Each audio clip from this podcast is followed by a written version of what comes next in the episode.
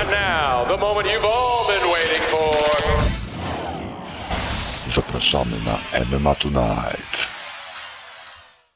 Hej kochani, hej kochani, witamy 14.01. Przepraszamy za minimalne opóźnienie, ale już jesteśmy, więc pierwsze pytanie, jak, czy słychać? Jeżeli słychać, to bardzo dobrze. Tutaj Martyna trochę się spóźniła, to przez nią oczywiście ta minutka opóźnienia. Przepraszam, może pani wyłączyć ekranę, pani Martyno? Dziękuję. Orange Flex nikogo nie interesuje. Jak będzie naszym sponsorem, to będziemy... Halo, proszę pani, co tu się robi? Co tu się dzieje? No, halo. Dobra, jesteśmy. Mniej więcej mam nadzieję przede wszystkim. Tutaj widzę, że pytań y, Paweł nas zalał pytaniami.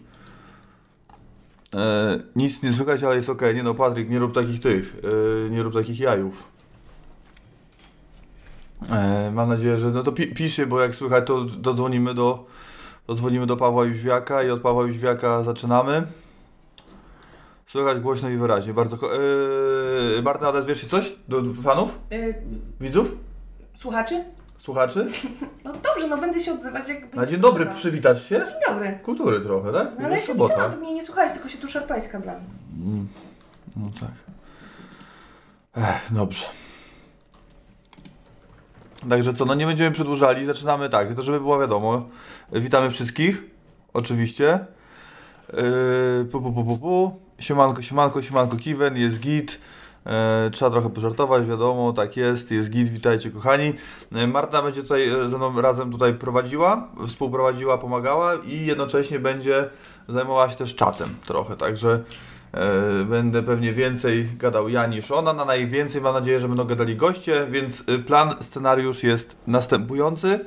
Zaczynamy od Pawła Jóźwiaka i zaczynamy od pytań od naszych patronów, którzy zadawali pytania do wywiadu. Miał być wczoraj wywiad o 18, ale no Pawłowi coś wypadło i jest wywiad, jest live dzisiaj zamiast wywiadu, ale myślę, że to nawet lepiej.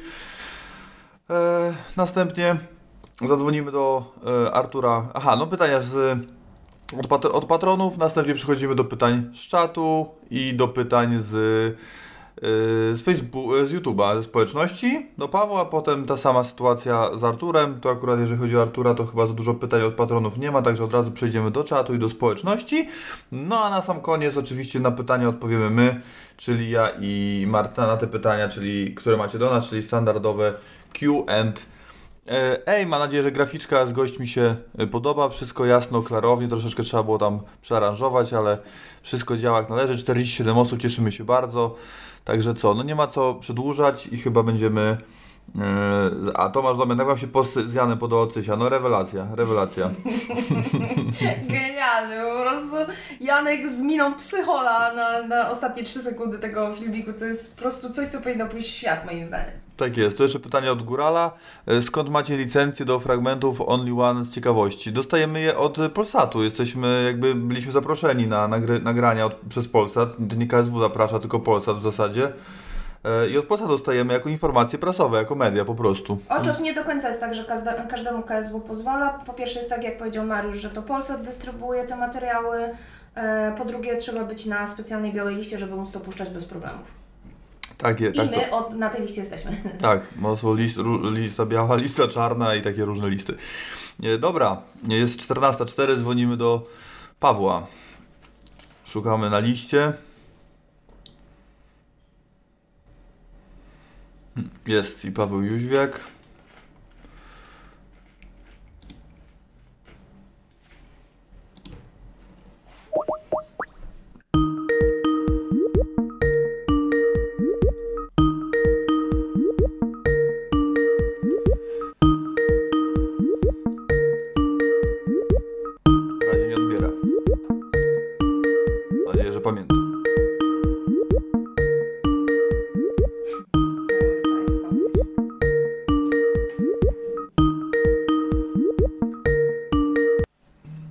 Pierwsza próba nieudana. Dobra, to próbujemy. No może Paweł y, odzwoni za chwilkę. E, Także tak, będzie oczywiście audio, nie będzie, e, nie będzie wideo. A natomiast nad tym wideo jeszcze pomyślimy, no to musimy się przesiąść, po prostu tutaj mamy Mój, mój PC jest centrum zarządzania, zarządzania wszechświatem. E, Marta ma dużo mocniejszy komputer, więc nie wykluczamy, że w przyszłości live, e, że w ogóle wywiady live jakby powstaną, w, czy tam Q&A z gośćmi, jak zwał, tak zwał, już w formie wideo, tak jak, tak jak to wygląda przy wywiadach. Natomiast no, podcasty chcemy zobaczyć, zostawić w formie podcastów, czyli w formie audio. Ja myślę, że tak naprawdę dla Was to bez różnicy, a może i wygodniej nawet.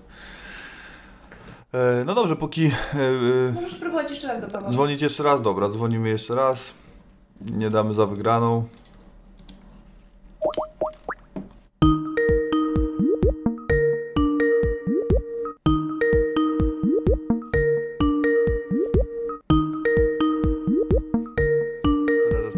Szale załatwiania gal, hal, zawodników, sponsorów.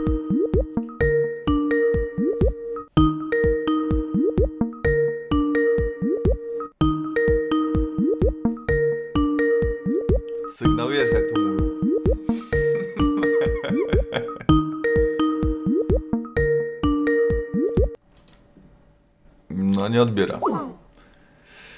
Niedobrze, niedobrze. Nie, no dobrze, będzie za chwilkę, na pewno. No nie no, być to będzie, to się nie martwimy w ogóle, natomiast yy, no to... to... Mówiliśmy, że 14, tak 14.15. No więc tak, tak, tak, tak, tak, tak. Coś tu widziałam takiego fajnego, co chciałam się odnieść na... mm, Czy powrót... Aha, no właśnie. E, Czemu Malina jest taki cięty na Blankę? Takie padło pytanie O gdzie padło? na czacie. Na czacie. Aha. E, tylko wiesz, nie widzę go już teraz, bo tam jak rozpoczynamy live'a, to niektórych pytań, które były zadawane przed live'em nie widać. Takie jakieś dziwne rzeczy się dzieją. E, no to Maliny trzeba by pytać, więc przy okazji następnego MMA Tonight musisz go zapytać. Natomiast no Blanka po prostu nie jest w stylu Maliny, nie? Malina lubi trochę inny typ kobiet i najwyraźniej nie do końca mu odpowiada ten typ, no i tyle. Mm, Do, do Pawła y, Płatka też prośba, to są pytania do Artura. One są na samej górze czatu. My jakby będziemy z Arturem rozmawiali, to będzie około 14.30 Paweł odzwania. Także może być y, problem z zadaniem tego, tych pytań. Także jak będziesz na żywo, to byśmy prosili. y, Halo, halo? O, widzieliśmy. O, jeszcze jedna próba. Halo, halo? Halo? O, słychać, cudownie. No witam, witam, dzień dobry. Dzień dobry, dzień dobry. My jesteśmy tylko e, audio, także, jak, e, także nie ma problemu, jeżeli, coś, jeżeli kamera nie jest e, potrzebna. Wystarczy, że będziemy e, się słyszeć. E, live nie idzie wideo, idzie tylko audio, ale da- zawsze lepiej my, my będziemy przynajmniej widzieli, także tutaj jest na miniaturce. E, dzień dobry, co dobrego słychać? Dobrze, dobrze, w porządku. Wszystko pomału wraca do normy, budzimy się do życia. No to bardzo dobrze, że się budzimy do życia, no bo trochę tego MMA nam e, brakowało, natomiast jeszcze wszyscy są pełni e, obaw, jak to będzie wyglądało. E, No więc ja zacznę tak naprawdę, nim przejdziemy do pytań, bo trochę pytań od patronów jest, trochę pytań na czacie już czeka, także ja bym zaczął po prostu od tego, od samego początku, czyli od kiedy trwają, no pewnie prace trwają od samego, od, odkąd się tylko było to możliwe, czyli odkąd gala została odwołana, ale od kiedy było, zapadła decyzja, padło zielone światło z terminem i ze wszystkim, że możecie rozpoczynać pracę nad e, galą FEN28 w terminie 13 czerwca. Znaczy, My tylko czekaliśmy, tak, aż obostrzenia e, się zmniejszą i chcieliśmy to przeprowadzić e, jak najszybciej tylko się da. No, odkąd dostaliśmy sygnał jasny od, od władz, że obostrzenia będą zmniejszane, to już zaczęliśmy planować, kiedy tę galę można zrobić. Kontaktowaliśmy się z naszym partnerem Telewizją Polsat i chcieliśmy tę galę zrobić jak najszybciej. Chcieliśmy ją nawet zrobić na przełomie maja i czerwca, no ale nie, nie, niestety KSW wcześniej miało zakontraktowany termin na, na galę na, na Torwarze, którą planowali, a my mieliśmy zakontraktowany termin na 13 czerwca na Ostrudę i musieliśmy iść tym kalendarzem już wcześniej ustalonym, także stąd ta data 13 czerwca. Mhm. No dobrze, jak ja będę miał jakieś pytanie, to dopytam, ale myślę, że jest duża szansa, iż nasi patroni i nasi y, słuchacze, widzowie y, mogą wyczerpać temat, także y, przejdziemy w takim razie już do tych pytań. Y, I pierwsze, pierwsze pytanie od y, Filipa Błachuta, naszego redaktora. Czy możemy spodziewać się nowych nazwisk na najbliższej gali?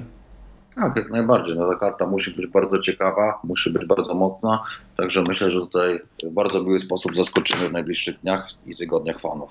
Mhm. Pytanie od Rafała Jóźwickiego i to bardzo ciekawe pytanie jest y, w zasadzie, dlaczego nie ma w rozpisce rewanżu Rudka i Zielińskiego wersji jednej ze stron z nami, z chęcią poznam punkt widzenia yy, twój, Paweł.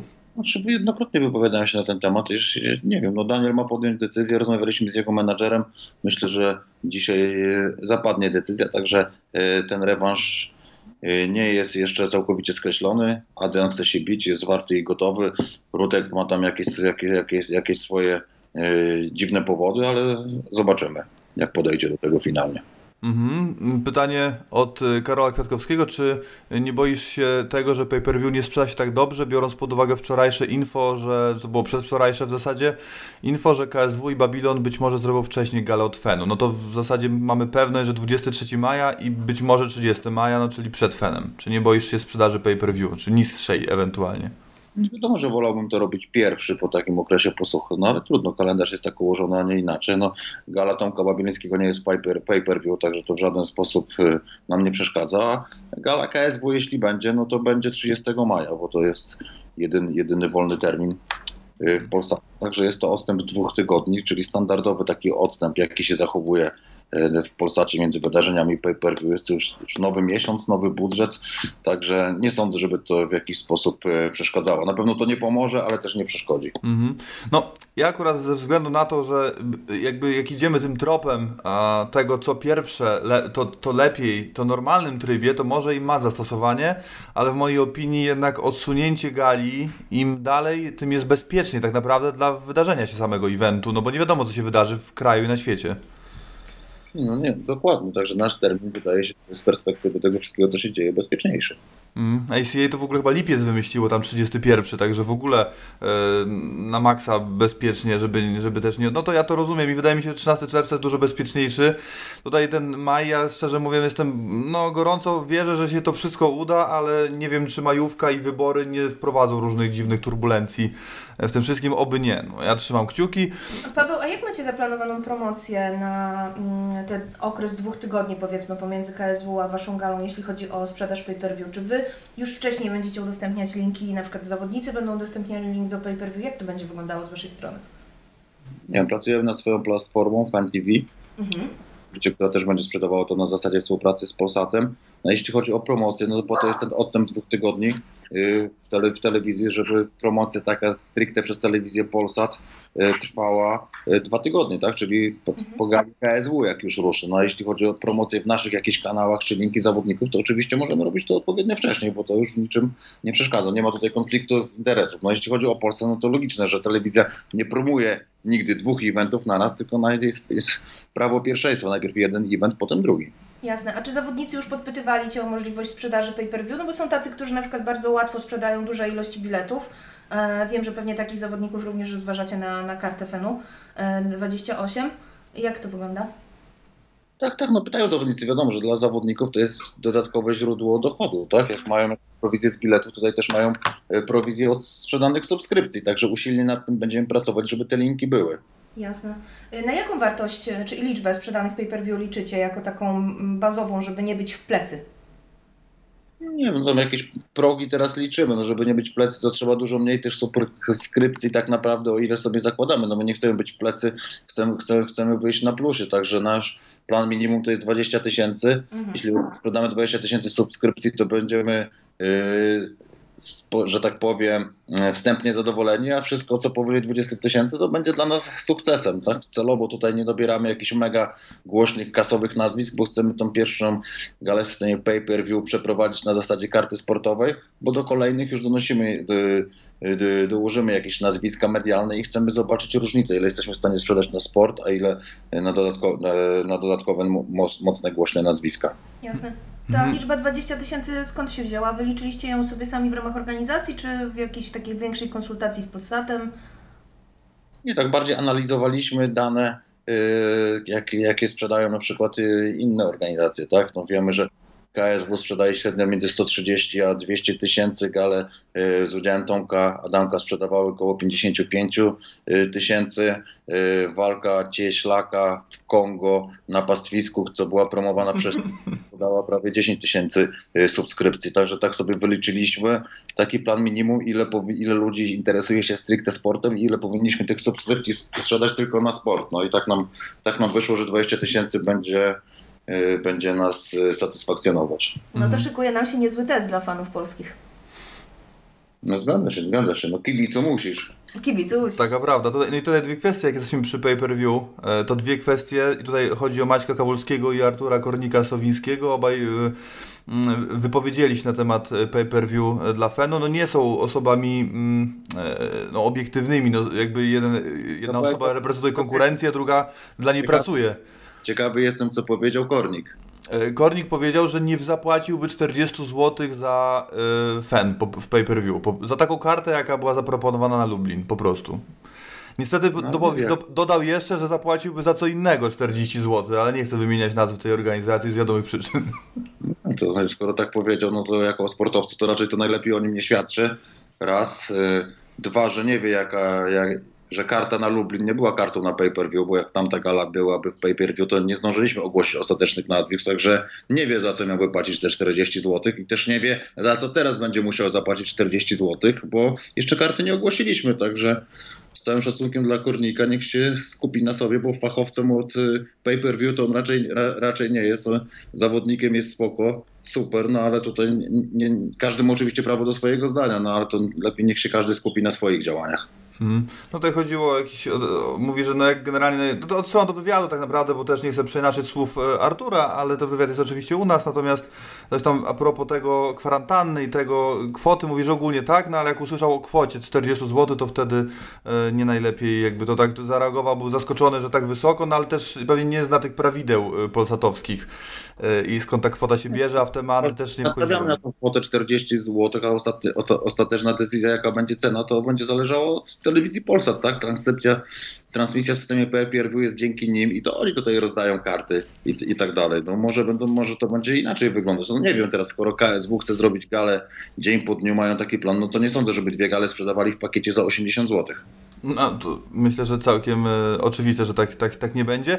No i do słów Macieja Kawulskiego z mm, jednego, chyba albo z Hate Park, chyba z Hate Parku, czy no z kanału sportowego, jak zwał, tak zwał, nie będę nazwy audycji, e, że ocenia jakby wyporność Fenu, czy jakby potencjał marketingowy na tysiąc subskrypcji. No to jest taka liczba, która chyba, z którą każdy się nie zgodzi. No na, nie, już nawet nie chodzi o, o zawodników Fenu, KSW, dziennikarzy czy, czy promotorów, no ale jak myślisz skąd, skąd aż tak niska ocena przez Maćka Fenu? Nie, to była taka szpileczka, troszeczkę to było przesadzone. Wiadomo, że skoro organizacja sprzedaje średnio 5 tysięcy biletów na różne eventy i te bilety są to po 100 zł, to, to, to, to siłą rzeczy, rzeczy nie ma takich możliwości, żeby, żeby sprzedać pay-per-view mniej niż biletów. Skoro pay-per-view jest tańszy, kosztuje 40 zł, jeszcze można się złożyć kilka osób. Mhm. Dobrze, to przechodzimy w takim razie do, do kolejnych pytań. Rafał Jóźwicki pyta, jeżeli to będzie eliminator dla duszy, to czy zawalczy z kimś konkretnym i dlaczego tak się bronicie przed rewanżem Dusza Gniadek? No ale czym e, Kamil wie, że dostał od nas szansę walki o pas, przegrał tą walkę o pas, przegrał, przegrał e, z Szymonem Duszą. Obaj są mocnymi zawodnikami. Każdym z nich pojedynków nie byłoby nigdy faworyta i zawsze jest 50 na 50. Także, żeby dostać e, rewanż z duszą, muszę sobie na to zapracować. Na razie to dostał zawodnika na odbudowanie, który był kilka klas niżej od niego. Także przy całej mojej sympatii do Kamila, no to e, trzeba uszanować tutaj zwycięstwo duszy, dać mu się tym zwycięstwem nacieszyć. No a Kamil musi sobie na ten rewanż zapracować. Mhm. Tutaj od razu przypominam wszystkim fanom, że na Polsat Sport Fight można oglądać powtórki. Ja wczoraj włączyłem, to chyba od 10 do 16 oglądałem i Fen, i tą świetną walkę zresztą Gniadek Grzebyk i, i też leciały inne, i, i Armia i jeszcze inne organizacje, także tutaj e, mega, jak ktoś ma głód MMA, to, to, to polecamy bardzo, bardzo gorąco. A czy jest rywal dla Szymona Duszy już upatrzony? Na Już jest, już jest na moim celowniku. A w skali od 1 do 10 jak e, oceniasz go jako zawodnika i przeciwnika dla Szymona? Gdzie byś go umiejscowił na takiej e, skali? Jeśli chodzi o trudność? Mocny zawodnik, może mniej znany niż Szymon. Em, Szymon na pewno będzie faworytem, a- aczkolwiek zawodnik po trzech zwycięstwach z rzędu, także na tym etapie to będzie ciekawa waleczka. Jest to zawodnik y, idący do przodu, mocno bijący, także będzie ciekawa walka. Bardziej 8 czy bardziej 6? Siedem. 7. 7, no. Jest. 7 jest dobrze. Y, Marcin Halikowski pyta, czy była chęć zatrudnienia kogoś z programu tylko jeden i czy udało się kogoś nowego pozyskać? Nie zabiegaliśmy za bardzo, no ale tam parę zawodników nas może zainteresowało. Mhm. Tomasz Żelazko, trzy pytania ode mnie. Czy FEN po pandemii zostanie przy organizowaniu gal w systemie pay-per-view? No tak, no czekaliśmy na to tyle lat, pracowaliśmy, także na pewno pay-per-view będzie dla nas krokiem do przodu i możliwością rozwoju. Także nie mówię, że wszystkie gale będą w pay-per-view, ale na pewno będziemy trzymali się tego modelu, bo tylko gale w systemie pay-per-view są w stanie zarobić y, y, tyle pieniędzy na siebie, żeby zatrudniać drogich y, kasowych zawodników, tak zwanych gwiazd. Jak oceniasz szansę na powodzenie gali FEN28 w pay-per-view? Jak co oceniam? Szansę na powodzenie gali, czyli na, no, na ten wynik, który, który chcecie uzyskać. Jakbym, jakbym nie widział w tym szansy dobrego wyniku, to bym tego nie robił. Tak? Teraz wszystko e, w naszych rękach i głowach, żeby zrobić dobrą kartę, dobrze to wypromować i żeby event zakończył się sukcesem. Mhm. I trzecie pytanie, czy, ma, czy masz przygotowaną koncepcję na sprowadzenie zawodników medialnych, dających duże szanse na sprzedaż ogromnej ilości pay-per-view? No ale to chyba już na to odpowiedziałeś, mówiąc, że to, ma, to będzie sportowa karta, mniej medialna, tak? Teraz tak, teraz karta będzie sport, sportowa. No, małe fajerwerki szykujemy, no ale kolejne gale pay-per-view na pewno będą z mocniejszymi nazwiskami, bardziej medialnymi, bardziej kasowymi. Tak? Trzeba będzie. Na razie chcemy zobaczyć, ile jest wart ten sport, który tak ciężko przez tyle lat budowaliśmy. Pawle, a z czym jest większy problem? Z tym, że zawodnicy boją się walczyć, bo się boją na przykład zachorować, na tego koronawirusa gdzieś tam coś złapać, czy po prostu mają problem z treningami i dlatego mówią Ci, że nie, nie dadzą rady się przygotować na czerwiec? Ja, ja generalnie nie mam, nie mam problemu z tym. Zawodnicy rwą się wszyscy do walki. To są tylko małe wyjątki, takie krótek, które, nie, nie wiem za bardzo, co tam ma za problemy sam, sam ze sobą, że tak jakoś, nie wiem, dziwnie podchodzi do, do tego wszystkiego. No, większość zawodników yy, rwie się do walki, wszyscy chcą zarobić, wszyscy, wszyscy chcą się pokazać. Mhm. Okej. Mhm. To teraz mamy pytania od patronów e, zakończone, pytania z czatu. Pierwsze pytanie, jak wygląda sytuacja Andrzeja Grzebyka w Federacji FEN i czy jest szansa, żeby zawalczył na najbliższej gali? No, na, na, to, na tą chwilę kontrakt mu się skończył, tak jak wcześniej mówiłem, 31 marca y, skończył mu się kontrakt y, i tyle. Tam mamy do niego jeszcze jakieś tam prawa do roszczeń y, z pewnych względów, no ale co z tym zrobimy, to czas pokaże. No na razie rozmawiamy, zobaczymy. Mhm. Czy jest szansa, aby w Federacji FEN walkę dostali, dostało dwóch byłych zawodników KSW, Fijałka i Łazarz oraz Grzegorz Siwy? Nie wiem, no, Pijałka z tego co wiem ma jakieś problemy chyba ze zdrowiem, także y, raczej, raczej nie. To tam jeszcze był Siwy i Łazarz, to nie, Łazarz jak najbardziej, to Siwy też nie jest złym zawodnikiem, no także to nie wykluczamy tego, nie? Mhm. I jeszcze dwa nazwiska, Mateusz Zawadzki i Maciej Różański. Różański już kiedyś się u nas bił, Zawadzki też ciekawy zawodnik, no to są sportowcy, no to czemu, czemu nie, nie ma tutaj się ten, co, co, co zarzekać, no. Wszystko jest możliwe. Zapisani do kajeciku. Tak jest. Zawsze miałem go zainteresować. Tak, tutaj wie, wiemy, że Sianos y, Pałasz y, to będzie to starcie, które zobaczymy, a i tu jest pytanie o ewentualne starcie Sianos Wlazło. Nie wiem, no Michał ostatnio dostał propozycję takiej walki z Sianosem, ale powiedział, że dawno się nie bił i że musiałby się solidniej do czegoś takiego przygotować. Mhm. Także jakby Michał chciał, to można kiedyś pomyśleć.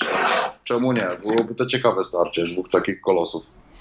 Federacja FEN podjęła współpracę z Federacją ACA i tu pojawia się pytanie, czy można liczyć na wspólną galę i których zawodników można by było zestawić, zestawić razem z obu federacji. To coś może więcej na temat w ogóle samego tego spotkania z Bajsangurem. Nie, no, spotkanie było bardzo owocne, bardzo serdeczne. Zawsze od lat mamy dobre, e, dobre stosunki. Także no, współpraca na pewno nie będzie polegała na tym, żeby e, robić łączone gale, no, bo to jest według mnie to jest, to, to, to chory pomysł, żeby dwie organizacje robiły e, włączone gale. Tak? No, cel naszej w- współpracy jest na wymianie zawodników i tak to będzie polegać. Mm. Tutaj jest pytanie, e, czy Daniel Rutkowski wspominał, że myśli o zaatakowaniu trzeciego pasa innej federacji czy wyrazicie zgodę? No ale to chyba nie do Was pytanie tak naprawdę. No dokładnie, dokładnie. No Danielowi to bym radził się skupić na obronie te, tego, tego, tego pasa, bo czas na obronę tego pasa ma do końca października, także tutaj bym się skupił, żeby y, ten rewanż zrobić z Adrianem, no bo y, ta walka miała od początku charakter łączony, także tutaj nie wiem jaki Daniel ma plany, to już trzeba pytać jego rodzimą federację Babilona, czy się, czy się o to spyta. No ja bym Danielowi doradził, żeby się skupił na tym, żeby ten pas obronić, bo ten pas nie jest, nie zdobył tego pasa y, na wieczność. Mhm. A jak w ogóle będziecie, no bo tak, kontrakty są kontraktami, tam są daty, tam są zapiski i tam, nie wiem, no, czy istnieją klauzule pandemii, ale jak będziecie traktować tą przerwę wymuszoną y, kwarantanną na kontraktach? Czy w ogóle to nie ma znaczenia dla Was i kontrakt leci dalej bez względu na to, co się dzieje na świecie? No nie wiem, no na razie jeśli ruszy, ruszymy z galą w czerwcu, no to wypadnie no, tak naprawdę nam jedna gala, no także no to musiałbym z naszymi prawnikami skonsultować, jak, jak, jak to wygląda. No. Mhm. Co do pay-per-view, to pytanie, czy dostęp na 72 godziny, czy tylko na czas gali, czy będzie jakiś bonus w ramach tych 40 zł, na dostęp do poprzednich, na przykład dostęp do poprzednich gal? Znaczy dostęp do naszych poprze wszystkich poprzednich gal jest darmowy na platformie i Pla TV, także tutaj nie widzę problemu. Mhm. A czy będzie opcja na tym Fan TV, żeby to oglądać przez 3 doby? Tego właśnie nie wiem, a, a jak, jak, jak to jest na platformie Polsatu, jak się, znaczy nie, na platformie K- IPLI, jak KSW TV chyba bardziej.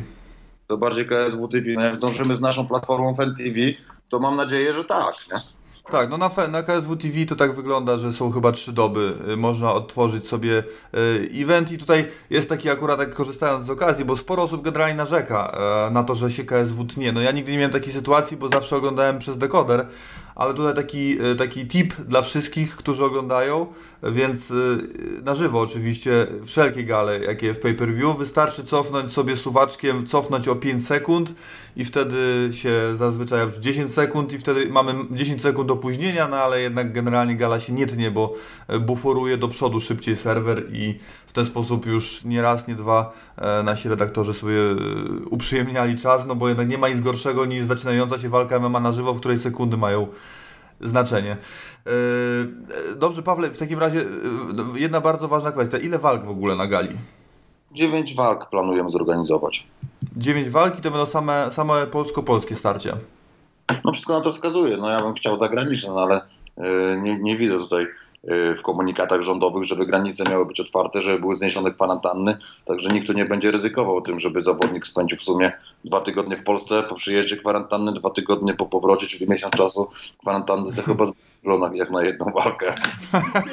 No tak, takie wakacje. Polska jest pi- piękna, a w czerwcu w sumie miesiąc posiedzieć nie tak, nie tak źle. Jest pytanie też z czatu, czy mm, kategoria 84 kg będzie wzmocniona, bo brakuje tam dobrych zawodników. Tak, tak, jak najbardziej. To jest na tą chwilę najsłabiej obsadzona kategoria w fanie i to mocno pracujemy, żeby ją ożywić. Mm, I są już jakieś konkrety? Znaczy jakieś naz- nazwiska na oku? Coś tam jest na oku, no. coś tam jest na oku, coś tam, jest na rzeczy. Bardzo uważnie przyglądamy się tej kategorii w Polsce. Mhm. Y, I tutaj jest też kolejne pytanie z czatu, czy jeżeli nie wypali ta sprzedaż i to czy zrezygnujecie z modelu pay-per-view, czy, czy nie? No, jak nie wypali, to będziemy się zastanawiać. Zawsze jak jest jakiś niewypał, to trzeba reagować i wyciągać wnioski, tak? Mhm. Ale po to to robimy, żeby wypaliło i nie wyobrażam sobie, żeby było inaczej. Czy od Was zależy, to już pytanie ode mnie, czy od Was zależy, y, kiedy gala w systemie pay-per-view będzie udostępniona w, w telewizji? No bo KSW robi to, no czasami raz robili to tydzień później, ale czasami robili to dużo, dużo, dużo dłużej i trwało to bardzo długo. Tak nawet ja nie wiem, czy kiedyś to nie było kilka miesięcy nawet do udostępnienia e, transmisji, czy, czy to zależy w ogóle od Was, czy to już Polsat decyduje? Nie wiem dokładnie, aż tak jeszcze nie siedzę w tych szczegółach pay-per-view. No nie zapominajcie, że my dopiero raczkujemy z tym pay-per-view, wchodzimy w ten świat i się dowiadu- dowiadujemy o wszystkich niuansach i szczegółach funkcjonowania tego systemu. Także ciężko mi tutaj odpowiadać. Ja na pewno bym chciał, żeby te gale były później, wy- szybciej wypuszczane niż później. Mhm. Tutaj pytanie, czy. e, O, pytanie z czatu kolejne, czy dla Bajora już są. Kto dla Bajora i czy ja, ja, ja to do, dokręcę pytanie, czy już jakieś są e, konkretne postaci? No to tutaj mam największy ból głowy przy tym zestawieniu, bo na krajowym podwórku nie będzie łatwo tutaj coś wymodzić, ale mam parę nazwisk tutaj, chodzi, chodzi mi po głowie, także myślę, że staniemy na wysokości zadania. Mhm. Yy, no dobrze, tutaj jeszcze czekamy na pytania z czatu, także jeżeli macie pytania, to zadawajcie. Ja jeszcze szybko rzucę okiem na YouTube, na naszą społeczność, bo tutaj też jakieś pytania do Ciebie, Paweł, się o, pojawiały. Już jedno mam. Yy, Bartosiński tak dostanie kontrakt ze względu na kontuzję i brak przegranej w programie, czy wróci do FEN? Zapytajcie Pawła, jak widzi ewentualny jego powrót, ale wydaje mi się, że darmowej promocji się nie odmawia. Takie pytanie. Mm, nie wiem, no na razie to chyba z tego co mówi, to będzie miał kontrakt z KSW, także tutaj chyba nie, nie ma tematu jakichś powrotów. I tutaj od razu bym dopytał, bo no, udało mi się gdzieś e, uzyskać taką informację, że zawodnicy, e, nie wiem jaką ty masz Paweł wiedzę na ten temat, ale zawodnicy, uczestnicy e, reality show tylko jeden, nawet ci, którzy odpadli z programu, mają jakąś klauzulę, która nie pozwala im przez, znaczy nie pozwala, muszą za zgodą KSW przez jakiś okres czasu do jakby, do, jakby starać się o walki, w sensie każdą walkę poza, poza KSW muszą konsultować z KSW przez jakiś okres czasu po programie. Nie wiem, aż tak tego nie śledzę, aż tak bardzo nie zależy mi na tych zawodnikach, żeby, że, żeby weryfikować ich klauzule i tak dalej. No kurczę, no. Jest tam parę ciekawych osób, ale bez przesady. Jakichś takich mega kandydatów na przyszłe gwiazdy to tam nie widzę. Tak, z całym szacunkiem dla, dla tych chłopaków, co się niektórzy fajnie pokazali w, do, w dobrej stronie, ale już też nie daje mi się zwariować, że tam nagle jest kuźnia nie wiadomo jakich talentów. Z tych 10 zawodników, co tam było, sześciu z nich biło się wcześniej w Fenie i jakoś, jakoś większość z nich od y, czasu ich udziału w Fenie minęło dużo czasu i ża- żaden z nich jakąś wielką gwiazdą się nie stał. Tak? Też organizacji Fen na większości z nich w jakiś specjalny sposób nie zależało. Także no, już nie daje mi się zwariować z tym programem. A czy jest szansa na Michała Kitę w Fenie, na przykład właśnie dla, jako ka- kandydat do walki z Bajorem? Nie wiem, Michał, Michał fajny zawodnik, ciekawy, no ale już można powiedzieć, że jest troszeczkę w past prime. Mhm. Ma też wysokie oczekiwania finansowe i nie wiem, czy to jest skórka warta wyprawki. Jest, jest też po porażkach, szczególnie osta, osta, ostatnio, ostatnio przegrał, także nie wiem, czy to jest inwestycja y, tutaj, którą warto, warto stawiać, bo są młodsi zawodnicy, którzy są, są tańsi, a są bardziej perspektywiczni. No Michał jest już koło 40, tak? Tak. Dob- dob- dob- dobrze pamiętam. No i z całym szacunkiem dla jego umiejętności sportowych, to jak bestią medialną nigdy nie był. No także nie mam nic, nic do Michała, szanuję go jako zawodnika, no ale to trzeba by to było bardzo mocno rozważyć. Nie, nie bez powodu też Michał ostatnio chyba nie, y, nie ma problemu takiego, żeby przebierał w ofertach, także jakiś powód tego jest, tak? Mhm. Tutaj mm, ktoś sugeruje walkę Andryszaka z Bajorem, ale z tego co się orientuję, to chyba Michał Andryszak ma cały czas wa- ważny kontrakt z KSW, więc chyba nie ma o czym rozmawiać. I jeszcze padło pytanie, kto dla, kto dla Gniatka? Czy w ogóle Gniatek jest przewidywany na, na teraz na FEN28? Nie, nie, nie. Tutaj Kamil teraz.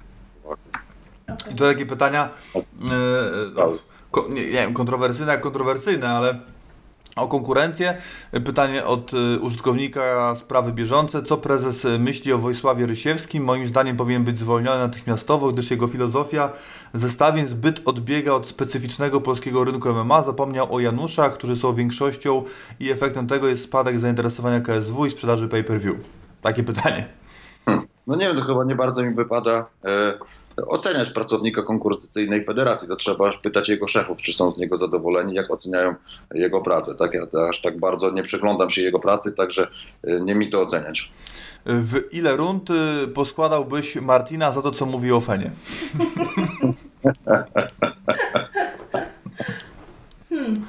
Nie, no słuchajcie, wydaje mi się roz- zwariować. Każdy z nas e, mówi różne rzeczy o konkurencji, raz lepsze, e, raz gorsze, ale wydaje mi się, że ostatnio wszystko poszło w stronę cywilizacji, że tutaj promotorzy w Polsce e, nawzajem zaczynają się szanować, także zawsze będziemy ze sobą konkurować, ale oby na zdrowych zasadach i wzajemnym szacunkiem. Z Martinem jakiś czas temu chwilę porozmawialiśmy sobie face to face podczas targów e, w Ptaku, także jakieś tam niesnaski wstępnie wyjaśniliśmy i no, mam nadzieję, że będzie teraz spokojniej y, tutaj między nami. Y, Jaką furkę ma pan prezes? Ładną. Ładnie i szybko. Ładno i szybko. Cze, y, czemu ludzie biją się u pana za 1500 zł, tak jak mówił Kawul? Nie no, Kawul nie mówił o 1500, mówił coś o 2,5 tysiącach złotych. No za taki start już się u nas Mhm. Czy daliście kiedykolwiek, to jest chyba ostatnie pytanie do ciebie z, ze z naszej społeczności na YouTubie, czy daliście kiedykolwiek bana dziennikarzowi, tak jak to robi KSW? Tak Nie, jak nie robiło KSW. Nie, nie daliśmy nigdy nikomu bana. A miałeś kiedyś ochotę dać komuś bana? Czy miałem kiedyś ochotę? No. Nie wiem, no nieraz mnie ktoś rozzłościł, tak? Nie mówię, że jestem święty, no i może miałem takie jakieś myśli po głowie, ale jednak uważam, że media są niezależne, jest w Polsce wolność mediów, wol, wolność słowa i czy, czegoś bym takiego nie zrobił, tak? Nie zamierzam tego robić, to chyba, że ktoś by mnie publicznie obrażał, no to co innego, no ale nie, że, że ktoś by mi zrobił coś tam delikatnie na złość, czy by skrytykował moją organizację, żebym panował, tak bym nigdy nie postąpił. I tutaj są pytania już, znaczy rywale e, dla Szymona Bajora, kolejne i to jest też jedno nazwisko, które mi przyszło do głowy, to Kevin Szaflarski. No nie, no nie wiem, czy Kevin to jest akurat odpowiedni rywal dla, dla, dla Szymona i czy zasłużył sobie na, na taką walkę. Według mnie nie. Niech Kevin najpierw pokona kogoś naprawdę mocnego, bo na razie to tylko słyszę, że wszyscy go zewsząd chwalą, ale na razie to nie pokonał nikogo mocnego w swojej karierze. A Szymon to zawodnik, który bił się już na całym świecie dla poważnych, dużych organizacji. Ma około 30 walk, no tak, także bez przesady. Mhm. Y, Maćkowiak, kolejne nazwisko. Jędrzej. No, cie, ciekawy zawodnik, wołuje. Ciekawy, nie wiem, zdziwiony jestem, że ostatnio nie, nie walczy, ale nazwisko ciekawe. Mhm. Y, Kolejne pytanie. Pawle, skoro gala w pay-per-view, to czy Polsat będzie Was reklamował i w reklamach będzie głośno o Fenie, żeby rozpromować kolejną galę Fen? To już Paweł powiedział. To, tak będzie nas promował i to bardzo intensywnie, tak jak każde pay-per-view. Mhm. Y, Pytanie kolejne. Czy zobaczymy w Fenie Mateusza Symoczkę? Pokonał Ledę w Fenie. Marka Woroncowa przegrał przez poddanie z mocnym Tomczakiem. Czy Marcina Łazarza? To już był o Łazarzu, ale Mateusz Symoczka i y, Marek Woroncow. Jeszcze raz, bo nie dosłyszałem. Mateusz Symoczko i Marek Woroncow. No, Poronco to chyba raczej się nie bił przez długi czas. Symoczko, z tego co wiem, to, to jest chyba też po jakichś porażkach. To nie musiałby się przyjrzeć bardziej. Mm, No to też jest dużo pytań o, o zawodników e, tylko jeden, no ale tutaj to chyba tak naprawdę jest, e, być może jest być tak jak ja mówię, a jeżeli jest tak jak ja mówię, e, no to raczej KSW do Fenu zawodnika no, nie puści, więc jest szansa niewielka. E, Nie, nie, nie jest tak do końca. No, zobacz, zobaczymy, przecież też nie, nie wezmą 10, tak? No, A po co wszystkich, wszystkich blokować nie wiadomo ile. też prawda. E, Kolejne pytanie, kogo Paweł lubi bardziej, z KSW, Maćka czy Martina, przysłowiowo, z którym by usiadł i wypił piwo? No nie wiem, ja jestem gotowy wypić piwo z jednym i z drugim. Nie mam jakichś takich antypatii. Nic mi takiego ani jeden, ani drugi nie zrobił. To, że było między nami czasami troszeczkę uszczypliwości w mediach, no to to jest, to, to jest normalne, tak? Ja też ich rozumiem. Ja też na początku byłem młodym promotorem. Teraz już jestem troszeczkę z większym doświadczeniem, inaczej podchodzę do pewnych rzeczy i też ich rozumiem. Jak teraz jak też przychodzi jakiś żółtodziób, zrobi kilka gali, zaczyna się mądrzyć, to też mnie to drażni. No teraz z perspektywy czasu, po si- siedmiu latach działalności, zdaję sobie sprawę, jak to jest, jak przychodzi ktoś nowe e, na moje podwórko, stara chce wejść moje buty, także nawet ich rozumiem, że ich kiedyś, kiedyś denerwowałem i teraz z, czas, z czasem inaczej do tego, do tego podchodzę i nie mam żadnej złośliwości. Mhm. Co z tym Szlemienko, panie Pawle? Wczoraj coś słyszałem. Taki komentarz. Ja też coś słyszałem, ale nic nie wiem. Prezesie, czy żeby nie koronawirus, to wprowadzilibyście pay-per-view w tym roku, czy nie? No taki był plan, jak nie w tym to przyszłym, ale już dawno o tym myśleliśmy. Mhm. Czy podzielasz zdanie Mirosława O w sprawie pana Lewandowskiego i monopolu na MMA? Nie wiem, no kurczę, no, nie, zastanawia, nie zastanawiałem się nad tym. Uważam, że związki są e, potrzebne, żeby pewne rzeczy us- usankcjonować, uporządkować. Tutaj, jeśli mam patrzeć na związek pana Cypla, który współpracuje e, z Federacją Fame MMA, która ze sportem ma niewiele wspólnego, a patrzę na związek MMA Polska, który wiem, że ma w planie wciągnąć do współpracy inne polskie organizacje, no to bliższy jestem y, jestem związkowi MMA Polska. No jeśli będą w tym, w tym projekcie uczestniczyć inne organizacje, to na pewno nie będzie prowadziło to do monopolu, tylko do jakiejś cywilizacji uporządkowania tego wszystkiego, co się dzieje. Mhm. Y, Kolejne nazwiska w kontekście Szymona Bajora. Tutaj bardzo nasi słuchacze. e, Ja tu Góral jest za- świetnie zorientowany w, cie- w wadze ciężkiej. Naprawdę rzuca takimi nazwiskami, że... tak, zaangażowani. Buliński, Brzeski, Stawowy. No ciekawe nazwiska, wszystkie są gdzieś tam na, na, na, na naszym radarze, także nazwiska ciekawe, dobre, dobre rekordy. Mhm. Y, Tutaj to jest ponownie Łukasz Brzeski, gdzieś jest, y, a, gdzieś jest wymieniony. Kiedyś jakieś, kiedy jakieś nazwiska ACA, niby na tym polegało wasze porozumienie z ACA. W sensie, kiedy... Jeszcze raz? Kiedy jacy, jakieś nazwiska z ACA z, wyciągniecie do, do walki u siebie na fenie? O, plany, bo jak gdyby nie było pandemii, już dawno by się coś wydarzyło, tak? Teraz i oni odwołali galę i my, także no, współpraca jest otwarta i w każdej chwili może coś się wykluć w jedną bądź w drugą stronę. Mhm. Jest jeszcze tip od e, Oczosinko, że za galę z udziałem e, Badurek i Lubońskiej powinno być pay-per-view za 60 zł. Będziesz to brał pod uwagę. Oczosinko zna się na rzeczy. Siema brachu, witam cię To jest serdecznie. dobry chłopak, on wie, wie co dobre. A będzie jakaś walka pań teraz na FEN 28? Słucham? Czy będzie jakaś walka pań teraz na, na FEN 28? Jest taki plan. Mhm. Ale bogini niestety nie powróci, też narzeka, że nie ma gdzie trenować na razie. Mhm. Także Oczosinko rozczaruje cię tutaj brachu. No. Nie będzie robił po 60, bo nie będzie Kasi. No dobra. To ciekawe. I te kolejne nazwiska ogólnie dotyczące Fenu. E, Bodzio Kamiński, Patryk Surdyn, Jakub Wikłar, Sylwek Miller.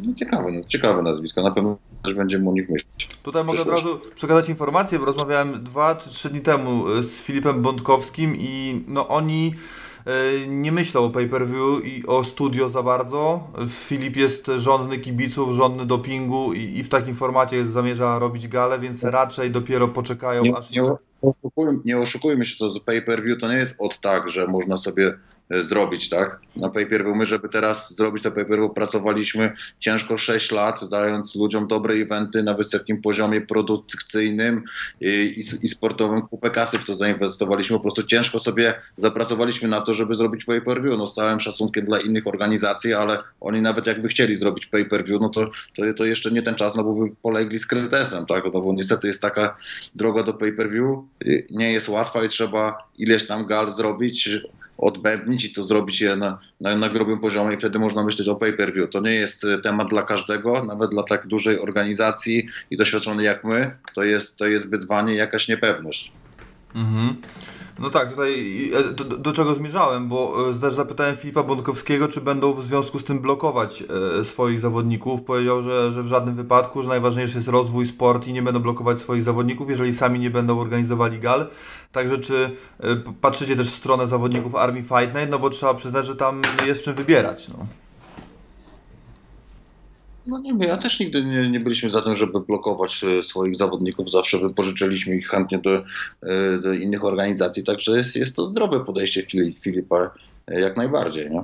A takie starcie, które miało odbyć się na armii, Sebastian Rajewski z Adrianem Kępą. Dwa fajne nazwiska dwóch chłopaków, którzy naprawdę dają dobre bitki. Jak, jak byś widział taką ewentualność, żeby zorganizować im walkę na Fenie? Nie, można coś pomyśleć. No, je- jestem otwarty. Mhm. Też To jest pytanie o Pawła Kiełka. Czy to materiał na mistrza Fenu kiedyś wygrał z Rębeckim? No to z Rębeckim wygrał bardzo, bardzo dawno temu. Paweł Kiełek już był w Fenie kiedyś i nie spełnił pokładanych w nich oczekiwań. Tak? Wzięliśmy go, e, traktowaliśmy go jako e, takiego prospekta młodzieńczego, no ale niestety w Fenie tylko jedną walkę wygrał, potem już tylko przegrywał, także coś tam ta kariera Pawła nie poszła tak, jak, jak, to, jak, jak to wyglądało. Tak? W tym programie tylko jeden też był jednym z faworytów, był najlepiej przygotowany, a ku mojemu zdziwienia, zdziwieniu przegrał i to nie przegrał raz, tylko dwa razy, także troszeczkę słabo to wyszło. No, szkoda, bo jest to zawodnik z olbrzymimi umiejętnościami i trenuje w bardzo dobrym klubie, z bardzo dobrymi sportowcami. Nie wiem, co nie tak poszło tam w przebiegu jego, je- jego kariery. Myślę, że problem to bardziej tkwi w głowie. No, Naprawdę jestem bardzo zdziwiony tą karierą Pawła i szczerze mówiąc troszeczkę yy, niemiły sposób zaskoczony, bo spodziewałem się, że ta kariera nabierze większego tempa. No myślę, że sporo osób też tak się spodziewało, ale warto wspomnieć, bo my Pawła Kiełka no już wiele lat gościmy na różnych, oglądamy na różnych galach, wy gościcie, my oglądamy, e, a on ma dopiero 24 lata. To jeszcze jest 15 lat kariery, no. Nie no, zgadza się, no. Może trochę za wcześnie zaczął się bić i tak dalej, może to, jest- to, to jest błąd. No nie wiem, no mam nadzieję, że ta jeszcze karta w jego karierze się odwróci i tego mu życzę, nie? Mhm. I tu jeszcze jest pytanie kolejne, co, co sądzisz o i czy kojarzysz Dawida Romańskiego, zawodnik wagi kogucie i Zankosu, rekord 3-0? Szczerze nie, nie kojarzę. Mhm. E, Tomasz Jeruszka, e, trener Matadores, pisze u nas na czacie, Adrian Kępa gotowy na FEN, tak samo jak Łukasz Stanek i inni z Ma- Matadores. No, super, dobrze to wiedzieć, będziemy się im bacznie przyglądać i kto wie, może zaprosimy ich do współpracy. Trener Jeruszka ostatnio się robi bestia medialna, własny podcast w zasadzie, można tak powiedzieć, więc w ogóle teraz wie co robi. Im, Im więcej będzie medialności wśród zawodników, wśród trenerów, tym lepiej dla całego środowiska i całego tego naszego ukochanego sportu. Jasne. Mm, I to jest pytanie, je- je- jest okazja, Krzysztof Czachor, jest okazja, to powtórzę pytanie z Twittera. E, Kontaktujecie się z konkurencją w tej sytuacji, aby wrócić jak najmniej sobie przeszkadzając, czy raczej każdy sobie rzepkę skropie, czy telewizja wpływa na daty? Nie no, w telewizji są takie pewne zasady, tak? Kto pierwszy, ten lepszy. To raz, dwa, pay-per-view ma pierwszeństwo. No, teraz, skoro też jesteśmy w tym pay-per-view, to, to, to już, że tak powiem, jakieś pierwszeństwo też nam się tutaj, tutaj zależy, należy. No, są pewne jakieś zasady w telewizji, których wszyscy musimy przestrzegać. No, jeśli jest pay-per-view, to musi być minimum dwa tygodnie odstępu między dwiema galami, także tego się trzymamy. No, wiadomo, że tutaj w jakiś sposób ze sobą konkurujemy, bo Tutaj każdy chciał tą galę zrobić jak, najszybciej, być pierwszym. No, nam się to nie udało, ponieważ już tak terminy były wcześniej pou- poustalane i nic nie mogliśmy z tym zrobić. Mhm. I to musiało być. I teraz dwa pytania, które mnie z kolei interesują e, najbardziej. To pierwsze jest takie, mm, jakby jaki jest plan, gdzie się wydarzy ta gala w ogóle? No bo to, że ona będzie w studio, no to okej. Y, Czy, czy jest pod uwagę brana, e, nie wiem, no, Ostruda bez publiczności, czy studio we Wrocławiu, jakie, czy studio w ogóle w Warszawie, jakie lokalizacje są w ogóle w kręgu zainteresowań? No, przede wszystkim celujemy w studia. Mamy kilka studiów, stu, studii, studii na oku. Także gdzie będzie, to jeszcze jest czas na, na podjęcie decyzji. No, też jest plan, żeby zrobić to w ATM-ie we Wrocławiu, bo tam logistycznie byłoby nam najprościej z racji tego, że tam mamy swoją siedzibę i stamtąd pochodzimy. Mhm. I to teraz pytanie, y, y, tak naprawdę, które już absolutnie interesuje mnie i Martynę najbardziej, to co z mediami? Czy, czy dostaniemy zaproszenie na galę w ogóle? Ja myślę, że tak. No. Jakoś, jakoś to poograniczymy oczywiście, żeby tych mediów nie było całe, całego tłumu, ale też wszystkie e, redakcje, między innymi jak Indicate, które są z nami na co dzień, że tak powiem na dobre i na złe, to na pewno zaprosimy i tak to zorganizujemy, żeby wszystko było zgodnie e, z zasadami e, tych e, standardów sanitarnych. Tak to jest, jest. bardzo dobra informacja, bo my już jesteśmy tak wypuszczeni, że po prostu jak nas wypuszczą z tych domów, to koniec. Też częścią tego całego sportu, całego widowiska, także nie ma gali bez mediów, no nie oszukujmy się. Mm, No dobrze, w rękawiczkach, w maseczkach, y, w tych przyłbicach będziemy robili wywiady. to śmiesznie wygląda. Tak samo jak nie ma gali bez kibiców. No niestety kibice nie będą tym razem na trybunach, bo jest to z wiadomych względów niemożliwe, ale będą przed telewizorami, czyli też będą częścią tego widowiska. No a niestety media muszą być na miejscu, tak? Bo ktoś musi rozmawiać z tymi zawodnikami na gorąco po walce, a nie będziemy tego robili yy, przez Skype'a przecież. Ta- Taka prawda. E, I powoli będziemy, y, Paweł, kończyć, także jeszcze ostatnie pytania, jak ktoś ma to na czat, zapraszam. I py- y, rzucane są takie nazwiska kolejne. E, Michał Pasternak, Marcin Łazarz, to już akurat było, Mateusz Ostrowski, Mateusz Rybak, Jakub Ozga, Łukasz Klinger. Półciężka. Kojarzę te wszystkie, wszystkie, nazwiska. No ja na bieżąco śledzę rynek, analizuję, także znam tych wszystkich zawodników. Jak tylko coś będzie na rzeczy, będę szukał kogoś w takiej wadze, to, to na pewno po któregoś z nich sięgnę. Tak? Są wszyscy zawodnicy, którzy są sportowcami takimi z krwi i kości, także to, to nie ma y, żadnych przeciwwskazań, żeby któregoś dnia y, któryś z tych zawodników y, dostał szansę na fenie. Tutaj bardzo ciekawe pytanie od Oczosinko. Prezes Królu, będą jakieś wydarzenia medialne przed galą, typu potężna konferencja prasowa albo trening medialny? Oczosinko, nie pękaj, zrobiłem jakąś grubą rozpierduchę medialną. E, Pytanie, co, co z Tyberiuszem? Pamiętam, jak mówiłeś, że jest w stanie pokonać Pudziana. Czy jest opcja, żeby wrócił do Fenu? No jak widać myliłem się, bo nie był w stanie go pokonać. Nie pokonał go, wręcz przeciwnie, przekradł, przepadł z Kretesem. Jakoś e, nie widzę jakiejś przyszłości fajnej dla Tyberiusza. Yy, Swego, swego czasu nieźle się zapowiadał, no ale już trochę czasu minęło, ma już swoje lata, także już raczej nie jesteśmy tym zawodnikiem zainteresowani. Tutaj kolejne pytanie o Karola Wesslinga. Czy jest w kręgu zainteresowań? Ciekawy, skromny facet. No, ciekawy, fajnie się pokazał skromny facet. Nawet, nawet ostatnio przeglądałem jego rekord, ale trochę rekord mały. Ma, bo to chyba była jego pierwsza walka zawodowa z tego co No widziałem. dalej nie wiemy, czy zawodowa w końcu. No właśnie nie wiem, nasz dogon dalej nie ma. Tak, a właśnie e, tutaj takie pytanie do prezesa, bo to jest ciekawe w sumie. E, Jak, e, jak ty byś to widział? Czy jeżeli, kiedy, kiedy byś rozgraniczył walkę zawodową, a kiedy amatorską? No nie, no dla mnie walka zawodowa, no to musi spełniać warunki trzech rund po 5 minut i to jest, to, to, jest dla mnie walka, walka zawodowa w małych rękawicach bez żadnych ochraniaczy. No jak są dwie rundy po 3 minuty, no to nie postrzegałem to jako walkę zawodową. Mhm. A czy, bo to jest takie, no ten temat na Twitterze był gdzieś gorący bardzo i czy mm, jakby stanęło na tym finalnie, że jeżeli zawodnik dostaje pieniądze, to jest walka zawodowa, a jak nie dostaje pieniędzy, to nie wiem, to może być amatorska. O.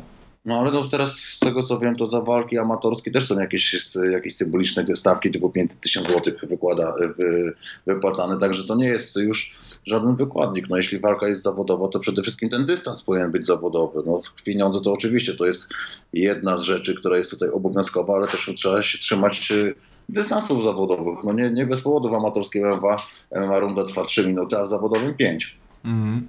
No tak, no ja też jestem tego zdania, żeby to było 3 razy 5 i to powinno oddzielać, y, jak to się mówi, mężczyzn od chłopców. No i 60 sekund przerwy oczywiście, a nie... No dokładnie tak, do, do, dokładnie tak, jestem takiego zdania. Yy, I tutaj jeszcze jest pytanie, czy coś wiesz o Damianie Grabowskim w ogóle? Nie, no, nie, nie wiem, nie wiem. Kompletnie mnie ten gość przestał zainteresować po tym, jak się bardzo nieładnie y, wypowiadał o naszej organizacji w sytuacji, gdzie my nie dość, że daliśmy mu dobrze zarobić, to jeszcze daliśmy mu się odbudować i tak naprawdę tylko dzięki, tylko dzięki nam w dużej mierze trafił do KSW, bo po takiej serii porażek w UFC wątpię, że, wątpię żeby go wzięli. To nie dość, że daliśmy mu do, dobre pieniądze, za walkę, rywala dobrego na odbudowanie, to jeszcze, jeszcze daliśmy mu kontrakt tylko na jedną walkę, nie wiążąc go w jakiś długi sposób, bo po prostu nie widzieliśmy w tym większego sensu. Nie była to skórka warta wyprawki, także nie, nie interesuje mnie ten zawodnik kompletnie. Mhm. I ostatnie pytanie y, z czatu, jeszcze słówko do Martyny i od Martyny i kończymy. Darek Kazimierczak, czy, Oso, czy jest brany pod uwagę jako rywal Bajora? Oczos deklaruje, że jest waga średnia, więc chyba nie. No to właśnie. Nie no, Oczos to jest do innych celów. On jest, on jest stworzony do zadymy medialnej, do tego, żeby uczyć na czatach, na forum, podkręcać atmosferę, promować organizacje, wydarzenia, walki, boginie, a nie żeby się kopać z tak wielkim zawodnikiem i koniem jak Szymon Bajor. Dokładnie. Paweł, ode mnie na koniec jedno takie pytanie. Zauważyłeś pewnie, że w ostatnim czasie e, nacisk na występy medialne e, między mm, współwłaścicielami KSW został położony jednak bardziej na Maćka niż na Martina. Martin dość mocno się wycofał e, i no, my generalnie z Martinem też gdzieś tam jesteśmy w kontakcie, więc wiemy, że on czasem ma takie momenty, kiedy po prostu chce się odciąć od mediów ale też ogromna fala jakiegoś takiego hejtu w ostatnim czasie na, na, na Martina pada e, w związku z jego wypowiedziami na temat nie wiem, Mirka Oknińskiego, w związku z promowaniem e, związku MMA i tak dalej, i tak dalej. Zbiera mu się za różne, za różne tam sytuacje. Ja chciałam Ciebie zapytać, czy Ty miałeś kiedyś w swojej karierze promotorskiej, przez te ostatnie kilka lat, kiedy prowadzisz, promujesz FEN, miałeś takie momenty, kiedy miałeś e, po prostu ochotę odciąć się w diabły od mediów i na przykład, nie wiem, zadeklarowałeś swoim pracownikom, że weźcie, niech się wszyscy ode mnie odpieprzą, dajcie mi święty spokój? Nie, no ja, ja tak jak nie mam raczej. Ja jestem, jestem, twardą osobą, jak coś robię, to na 100% i tam nie patrzę na jakieś fale, fale hejtów czy coś. Y, jestem na to odporny, tak? To, to wszystko po mnie spływa. To zdaję sobie z tego sprawę, że jeżeli ktoś bierze sobie na, na bark to, żeby być twarzą organizacji, jakąś osobą publiczną, to zawsze będzie część ludzi cię chwaliła, klepała po plecach, a część będzie cię yy, krytykowała, tak? Oczywiście jestem zawsze otwarty na jakąś krytykę konstruktywną, wtedy zawsze z takiej krytyki staram się wyciągnąć jakieś wnioski i coś poprawić, ale jeśli widzę, że to jest typowy hejt, to po prostu taki, taki zwykły, wypływający z tego, że ludzie niektórzy nudzą się, a najprościej jest komuś krytykować, cisnąć, to po prostu to na mnie spływa i się tym kompletnie nie przejmuję, także nie mam czegoś takiego, że mam dosyć. Mm. I to jeszcze jedna kwestia, bo zaraz y, y, przełączamy się i dzwonimy do Artura y, Gwoździa, do Artura Gwoździa, który jak się okazało po magazynie sportu walki został nowym, czy tymczasowym, nie wiem jak zwał, tak zwał, matchmakerem Babilonu. Czy coś wiesz na ten temat w ogóle, czy jesteś zaskoczony taką sytuacją? Nie, no, się z Arturem, wczoraj o tym wspominał. Myślę, że to, to właściwy człowiek w właściwym miejscu. Gratuluję mu tego wyboru i myślę, że dzięki temu starcia na Babilonie będą ciekawsze, tak? Widać było ostatnio, że tam brakowało jakiejś ręki do, yy, do robienia fajnych zestawień. No ja się tylko cieszę, bo ja lubię oglądać galę Babylon MMA i przyjemnie mi się będzie oglądało jakieś fajnie, dobrze zestawione pojedynki. Mhm. Tak to wygląda. Dobrze Paweł, ja Ci dziękuję ślicznie za, dziękujemy za poświęcony czas yy, i za odpowiedzi na wszystkie yy, pytania. Bardzo się cieszymy, że wracacie. Trzymamy kciuki, żeby wszystko udało się tak, jak sobie tego życzycie, żeby wszystkie yy, subskrypcje, jakie tylko maksimum było sprzedane, tylko tyle, ile się da i żeby ten wynik był zadowalający. E, No i co? No i mam nadzieję, że widzimy się 13, że 12 już e, czerwca, tam gdzie ta gala się będzie odbywać. E, I co? I zdrowia. Dziękuję bardzo. Również pozdrawiam wszystkich serdecznie, wszys- wszystkich sympatyków MMA, czytelników Indicate, bądźcie twardzi. Życzę Wam zdrówka w tym ciężkim czasie. E, Nie dajmy się zwariować z tym koronawirusem, bądźmy czujni, ale bez przesady. Uprawiajmy sport, tym bardziej teraz jest coraz więcej możliwości. Biegajmy, boksujmy. No i oczywiście oglądajcie FEN28, z- zostań w domu, only in pay-per-view, kibicu musisz. Pozdrawiam wszystkich serdecznie. Tak jest, dziękujemy. Dzięki. Udanego weekendu. Dzięki wzajemnie, piona. No dobrze. To porozmawialiśmy z Pawłem. Mnóstwo pytań. Mnóstwo pytań. Rozkręciliście się na czacie bardzo. E, Być może jakieś pojedyncze pytania faktycznie nie padły. E, Font Gamer, chyba twoje w końcu nie, nie padło. No obiecałem, że będzie koniec, bo Artur Gwóźdź od 14.30, 14.40 e, czeka, także już, już zaraz do niego dzwonimy. Nie wiem, czy nas słucha, czy nie, ale tak czy inaczej telefonujemy do Artura. Zobaczę, czy coś jeszcze pisał, czy gotowy. Ale chyba wszystko pod kontrolą. Dobra, to dzwonimy w takim razie do e, Artura. I co? E, zaczynamy od pytań. Mm, mm, mm, mm. Tutaj chyba pytań nie ma od naszych patronów. Do Artura chyba nie ma. Nie ma. Są pytania tylko do nas. Dobra, Artur uprzedzony, że dzwonimy, możemy dzwonić. Możemy dzwonić. Dobra, tutaj jeszcze sobie ze społecz- społeczność naszą kochaną przygotuję. No i oczywiście e, najpierw społeczność, potem e, czat. I dzwonimy do Artura. Mm, mm, mm. Gdzie my go tu mamy? John Jones, Holly Holm, nie to nie. Daniel Omilańczuk, Drikus Duplessis, Przestań się chwalić. Dorota Jurkowska, poczekaj, to Michelle Watterson, to nie. Przestań się chwalić, fantasto. Greg Jackson to nie. Gdzie jest ten? Yy, nie mogę znaleźć, kurczę. Muszę wpisać w wyszukiwarkę.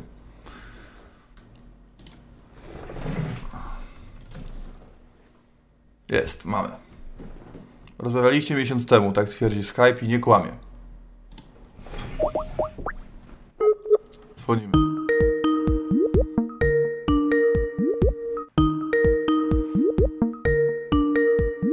Sygnał jest. Halo, halo. Halo, witam serdecznie. Halo, witamy serdecznie. Jesteśmy e, na żywo. Witamy serdecznie Arnox Fight Sport i matchmakera Babylon MMA. No, Halo, halo, słyszymy? robiło się. Tak, no, no, porobiło się, porobiło się. Właśnie rozmawialiśmy z Pawłem Jóźwiakiem, pytaliśmy go, co sądzi e, o tym twoim mariażu z Babilonem. No, powiedział, że rozmawialiście, że coś tam e, wymieniliście kilka zdań na ten temat i jakby to reasumując jego wypowiedź, powiedział odpowiedni człowiek na odpowiednim miejscu.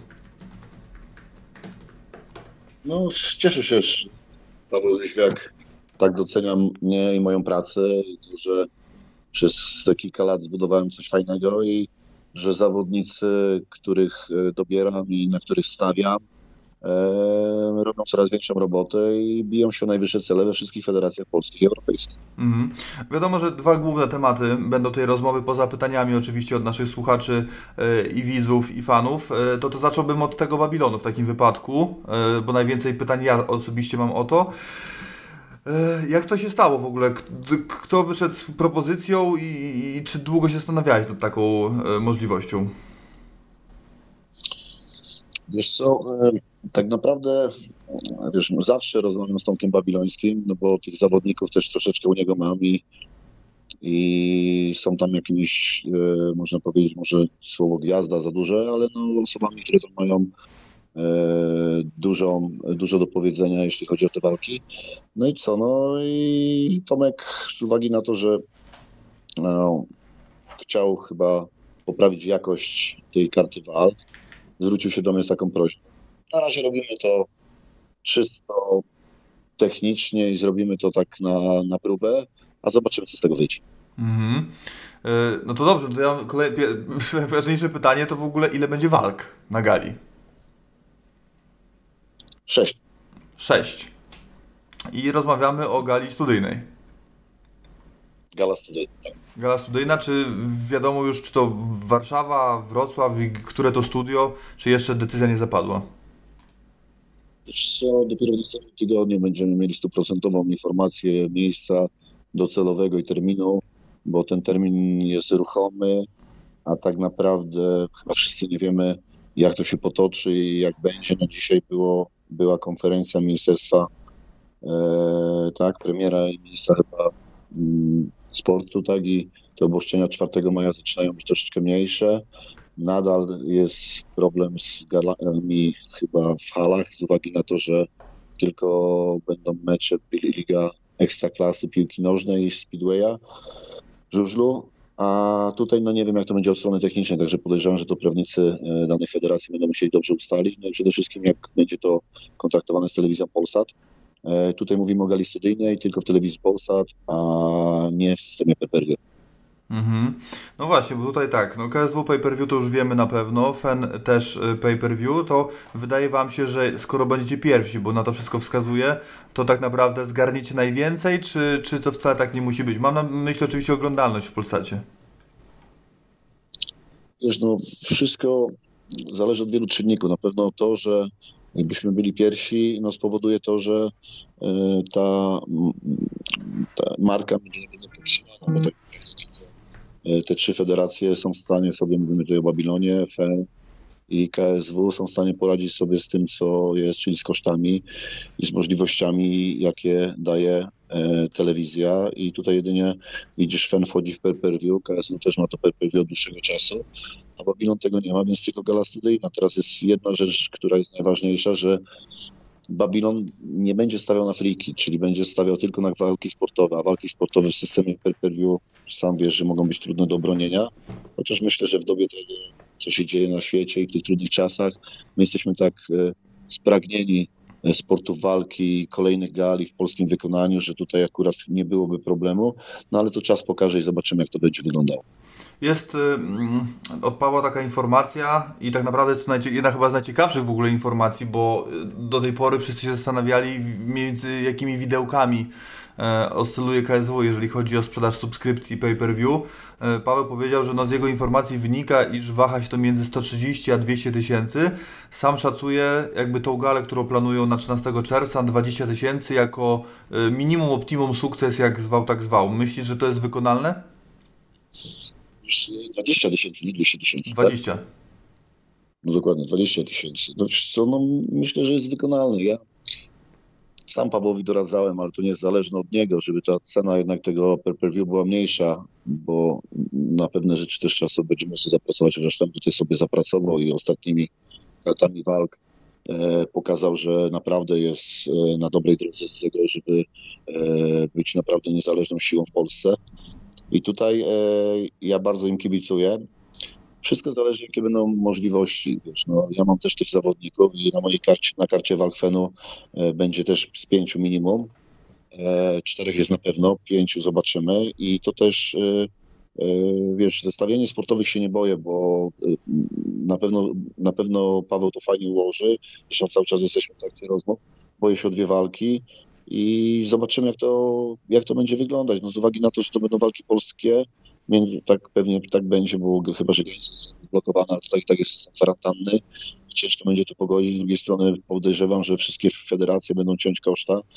Do tego dołóżmy e, jedną z najważniejszych rzeczy, czyli e, to, że wiele firm tnie marketing i wiele firm się wycofuje ze sponsorowania.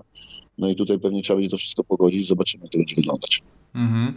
E, czy tutaj do, Babilonu też wrócę, zanim przejdę do Fenu, to jeszcze chciałem zapytać, czy e, no będzie jakaś, czy no na pewno pojawią się postaci, które do tej pory mm, już walczyły dla Babilonu. Czy w związku z tym będą e, renegocjacja stawek związana z tym, w jakim okresie dzieje się, będzie wydarzała się ta gala? No tak, tak, tak, tak. Zresztą z uwagi na to, że Polsat e, będzie to gala no to poza e, z tymi, co, co będzie od telewizji finansami i tym, co e, zostaną ci sponsorzy, o których Tomek Babiloński walczy, no to to będą jedyne możliwości finansowania tej gali. Dlatego Tomek jest na w bardzo trudnej sytuacji. No i tak naprawdę, wiesz, nie, nie stać nas na, e, e, jakby to powiedzieć, nie stać nas na jakieś bardzo dobre zestawienia e, mocne medialnie, no bo chodzi też o finanse. Bo Każda federacja, zresztą wracaliśmy do tego Mariuszu wcześniej, Mhm. każde federacje gdzieś tną te koszta i to e, mówimy o Fenie i KSW. Nie wiem jak będzie teraz, bo dopiero będą pewnie rozmowy, ale no Babilon też jakieś propozycje zrobił. Zawodnicy kontraktowi, a jest i niewielu w Babilonie, mają zaproponowane jakieś stawki. Większość się na to zgodziła. A zawodnicy, którzy mają walczyć, a są bez kontraktu, no to mają proponowane stawki i to jest, wtedy indywidualna e, zgoda danego zawodnika, trenerów i ich sztabów. Mhm. I tutaj, pytanie, czy nie ma jakiegoś drobnego konfliktu interesów? No bo jestem prawie przekonany, że ktoś z Artnoxu na gali Babilonu się pojawi. No pewnie, że jest. Więc jak, jak, jak, ze sobą, jak sam ze sobą negocjujesz stawkę dla własnego zawodnika? No właśnie, no.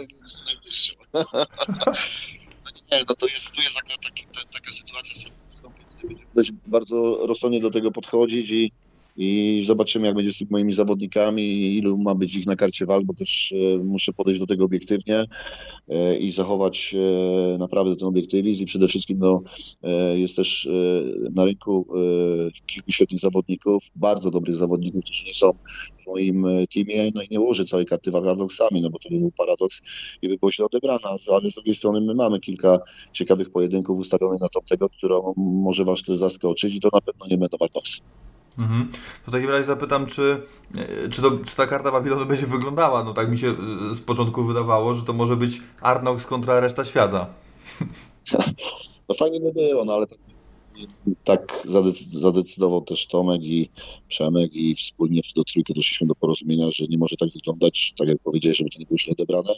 No na pewno, wiesz, no e, mamy kilka postaci w, w Babilonie, które są topowymi e, e, postaciami tej federacji i którzy są sportowo na wysokim poziomie. Mówimy tutaj przede wszystkim o Danielu Słowińskim, Danielu Rutkowskim, mówimy tutaj przede wszystkim jeszcze o Łukaszu Brzeskim, i to jako Arnox, jest mobbing. e, mamy też Piotka Niedzielę, mamy też Krzysia Gutowskiego. E, jest kilka ciekawych postaci, którzy miał, mieli debi- debiutować. Tu mówimy też chyba o debiucie Róży Gumiennej, e, której, do której raczej już była, debiutowała już e, na gali w Kopalskiej Wieliczce, także no jest kilka ciekawych postaci. No wiesz, kategorię tego, no przede wszystkim jeszcze jest jeden bardzo mocne nazwisko, które uważam, że e, tu są wielkie papiery, tak jak uważam, jak mi Łukasz Brzeski i on to jest Łukasz Sudolski, Mhm. który e, w kategorii 93 na razie idzie jak burza i na tych zawodników Federacja Babilon inwestuje. Mhm. Czyli rozumiem, że wszyscy wymienieni tutaj jest, y, jest szansa na to, że się pojawią na tej gali w maju. No na pewno kilku się pojawi. Mhm. Artur, e, a czy Kita versus Szaflarski bierzecie pod uwagę? Wiesz co, nie. Mhm, ale nie, w sensie jakby nie bierzecie ich od początku pod uwagę, czy jest jakiś kontakt z którymś z zawodników i, i informacja, że nie, nie mogą walczyć? W sensie, ja bym go nawet chciał zobaczyć w konfrontacji z Łukaszem. Albo z Filipem. Tutaj akurat e, to by była fajna konfrontacja i na pewno są młode wilki, które pukają do tych e, drzwi tych najważniejszych federacji, a przede wszystkim do tych e, czołowych zawodników i chcą z nimi walczyć, chcą krzyżować rękawice. Dlatego tutaj akurat takie zestawienie by było fajne. Co do Michała Kity, no y, Michał Kita zrobił ostatnie walki w Babilonie. Nie wiem jak wygląda kontraktowo, muszę z Tomkiem porozmawiać. E, No i to wszystko zależy od ustaleń finansowych, no bo na dzień dzisiejszy te finanse będą na pewno kruche. No a pewnie finansowo też nie będziemy się gdzieś tam zgadzać. Mhm. No to czekamy w takim razie. Y, Czy, czy wiadomo już mniej więcej, gdzie to się może odbyć, ten Babilon? No, wiesz co, w jakimś studio e, polsatowskim najprawdopodobniej, ale nie wiem dokładnie w jakim. Zresztą wiesz co, tak naprawdę to Tomek z- Przemkiem to ustalają i pewnie niedługo będziemy mieli jakąś informację i ją podadzą. Też nie mamy tego terminu tak do końca pewnego, bo, bo tak naprawdę to jest ta sytuacja jest dynamiczna. Jak widzicie, też wszystko zależy od tych e, obostrzeń, jakie będą zniesione i jak to dalej potrwa. E, No i wiadomo, że podejrzewam, że te pierwsze gale będą galami polskimi. Mhm. No dobrze, to przejdziemy w takim razie do pytań e, z czatu. E, Oczosinko Gangster pyta, Panie Gwóźdź, czy Karolina Owczarz podejmie walkę z Justyną Habą, czy będzie uciekała tak jak przed Olą Rolą, wiedząc, że Habcia może być przyszłą królową KSW? No i bardzo dobrze mówi, że Justyna Haba może być pewnie, że przyszłą królową. Ale to nie pytanie chyba do mnie, to było pytanie do to on jest menadżerem Karoliny Owczarz i, i myślę, że tego, my takiej walki chcemy, jak najbardziej o taką walkę będziemy zabiegać. Mhm. Pu, pu. E, e, Filip, e, nasz redaktor, pyta, czy e, jak doszło do współpracy z Paco Team i czy Łukasz Stanek e, jest przewidywany na którąś z najbliższych gal Fen Babylon? Mm, Jak doszło do tego? Z Witkiem Kostka. Byliśmy w kontakcie już wcześniej na galach kickboxingu. E, Na DSF-ie też często rozmawialiśmy. Ja bardzo lubię e, jego jako człowieka, a też przede wszystkim jako trenera. Uważam go jednego z najlepszych trenerów stójkowych w Polsce i zresztą wychował świetnych zawodników jak Kamil Jenel, jak wielu zawodników, których prowadził. Jest zresztą e, trenerem kadry polskiej, także uważam, że odpowiedni człowiek na odpowiednim miejscu. Docenił też moją pracę, docenił tego. Ta współpraca się nawiązała i zawodnicy tacy jak Łukasz Stanek, jak jeszcze kilku chłopaków, tego jak Kamil Jenner i tak dalej. Jest ta współpraca nawiązana z Adnoxem i będziemy się starać, żeby się bił jak najbardziej. Łukasz Stanek e, jest w kręgu zainteresowań Fenu, jest w kręgu zainteresowań Babi- Babilonu. To wiesz, no dzisiaj to jest sytuacja taka, że tak naprawdę zobaczymy w jakich kategoriach wagowych będą ci chłopacy się bić, bo tutaj tak rozmawiam z moimi zawodnikami i z większością innych zawodników, jak rozmawiam teraz o kolejnych walkach, no to wszędzie wchodzą catchweighty w rolę. Mhm. To w takim razie mm, tutaj jest mnóstwo pytań o Andrzeja Grzebyka i tak jakby nie wiem, Dawaj. jest ich dużo po prostu, więc zapytam w skrócie, jaki jest, co się dzieje z Andrzejem Grze- Grzebykiem, gdzie będziemy mogli go e, zobaczyć w najbliższej przyszłości, czy kontrakt z Fenem jest e, zakończony, czy trwa nadal, czy będą sądy, jaki jest status Andrzeja? Już odpowiadam. Moi drodzy, słuchajcie. Abel Czarna zawsze fajnie się rozwija. E, Widziałem, że wspólnie tam gdzieś tego robi jakiś sobie mały team, czyli mały team, małe takie studio do trenowania, także będzie też tam robił treningi, będzie się też e, rozwijał trener. Do tego dochodzi sytuacja, że tam kontrakty reklamowe też fajnie idą, także Andrzej jest cały czas e, w cugu, można powiedzieć. Co sytuacji kontraktowej, już wszystko mówię. Sytuacja jest następująca. Andrzej Grzebek jest wolnym. Z końcem marca skończył się kontrakt z Fenem. Fen go nie przedłużył. No też po części, no nie ukrywajmy, pomogła tu sytuacja na- nadzwyczajna, czyli sytuacja, która y, została w Polsce wprowadzona i z uwagi na odwołanie gali kontrakt wygasł i jeśli chodzi o sytuację prawną, nie będzie trzeba sądów, no i chyba ktoś do góry, szkoda, że to dla wszystkich taka ciężka, wysłuchał motów i nie będziemy mieli problemów żadnych jakichkolwiek prawnych, chyba że Federacja FEN będzie chciała tam się już, jeśli chodzi o e, Andrzeja, jakieś zobowiązania, bo wiem, że Paweł też o tym wspominał, no ale to już jest zupełnie e, inna sprawa, jeśli chodzi o typowe sprawy kontraktowe. Andrzej od 1 kwietnia jest wolnym zawodnikiem. No i to są to chyba dobre informacje tak naprawdę, jeżeli chodzi o karierę Andrzeja Grzebyka. W każdym razie konkretne. W każdym razie konkretne i powiedz e, w takim wypadku, no jakie macie plany? No plany, no wiesz, no ciężkie są te plany, bo tak naprawdę, e, wiesz, e, finansowo, no to dwie federacje są w stanie sprostać wygórowaniom Andrzeja. E, No i zobaczymy, jak to będzie technicznie. Z drugiej strony, no wiesz, no cały czas w kręgu jest to UFC, chociaż po tym, co teraz się wydarzyło na świecie i tak dalej, to mi się wydaje, że ta odległość już jest bardzo daleka, z uwagi na to, że e, zawodnicy kontraktowi będą mieli pierwszeństwo i pewnie Chyba, że gdzieś będą gdzieś blisko galen, to wtedy będzie to robione i będą sięgani po innych zawodników, ale myślę, że tutaj nam się to odwleka w czasie i zobaczymy, jak to będzie wyglądać. Tak naprawdę wchodzą dwie federacje w grze, to mówimy o KSW i Fenia i ACA. Mhm. Jest pytanie mm, z czatu. Mm, y, Sebastian Kotwica rozgląda się za menadżerem. Czy jest plan, aby wziąć go do stajni Artnoxu? Zawsze jest taki plan. Jest dobry, fajny zawodnik i chciałby się rozwijać, to okej. Zresztą Sebastian Kotwica jest trenerem Łukasza Brzyskiego, także Łukasz może mu powiedzieć, jak się pracuje ze mną i e, jak zbudowałem chłopaka z Podhala. E, najpierwszą, jedną z najważniejszych, tak największą nadzieję polskiego MMA, jeśli chodzi o młode pokolenie i tak szybko się rozwijającego, no bo pod e, szyldem Arnoxu Łukasz wygrał pięć walk, tak, pięć albo sześć walk, już musiałbym dokładnie zobaczyć i pokonał bardzo dobrych zawodników. Jedną walkę zremisował, mówimy to walce z Michałem Kitą, także myślę, że tutaj akurat y, może zasięgnąć tego języka, ale to jak szuka, a ma Łukasza blisko, no to pewnie nie szuka w Arnoxie, także spokojnie, może ktoś inny. Jest pytanie z czatu. Bodzio Monster w Babilonie, czy czeka na KSW? Kto to jest Bodzio? No Bodzio, Bodzio Monster, Piotrek Kamiński, nasz niesamowity Bodzio Monster. Martinko, moja kochana. Y, Piotrek, Piotrek... Zgubiłam się. Bodzio Monster, tak, Bodzio Monster. Piotruś Kamiński, e, wiesz, no ja, ja powiem tak, ja cały czas byłem za tym, żeby on znowu zawalczył w Babilonie, no przecież dał fenomenalną walkę na Międzyzdrojach, e, podając wyżej notowanego przeciwnika w pierwszej rundzie e, Balaszkiem, także tutaj akurat e, pracuję nad bardzo fajnym zestawieniem. Mhm. I to jest pytanie, rozmawialiśmy z Grzegorzem Szulakowskim, mówi, że zmienił management, ale jeszcze nie, nie, nie ogłasza, a tu padło pytanie na czacie od Górala, czy Szuli w Artnoxie. Mm. Ale zadanie. No co, no nie będziemy tego, tego jak zresztą widzieliście, eee, Grzesiu przygotowuje się bardzo długo z Dominikiem, teraz Zadorą zacząć przygotowywać, chce zmienić coś w swoim życiu eee, na plus, eee, chce zmienić jakieś treningowe rzeczy, też tak jak powiedział, już ten hajs nie jest dla niego najważniejszy, chce jeszcze sportowo pokazać, że stać go na wielkie, tego ja chcę mu w tym pomóc. Mhm. No ale to są wieści, kurde, ja się tak cieszę. Nie, naprawdę, to jest, to jest coś niesamowitego. Zresztą No Dominik swojego...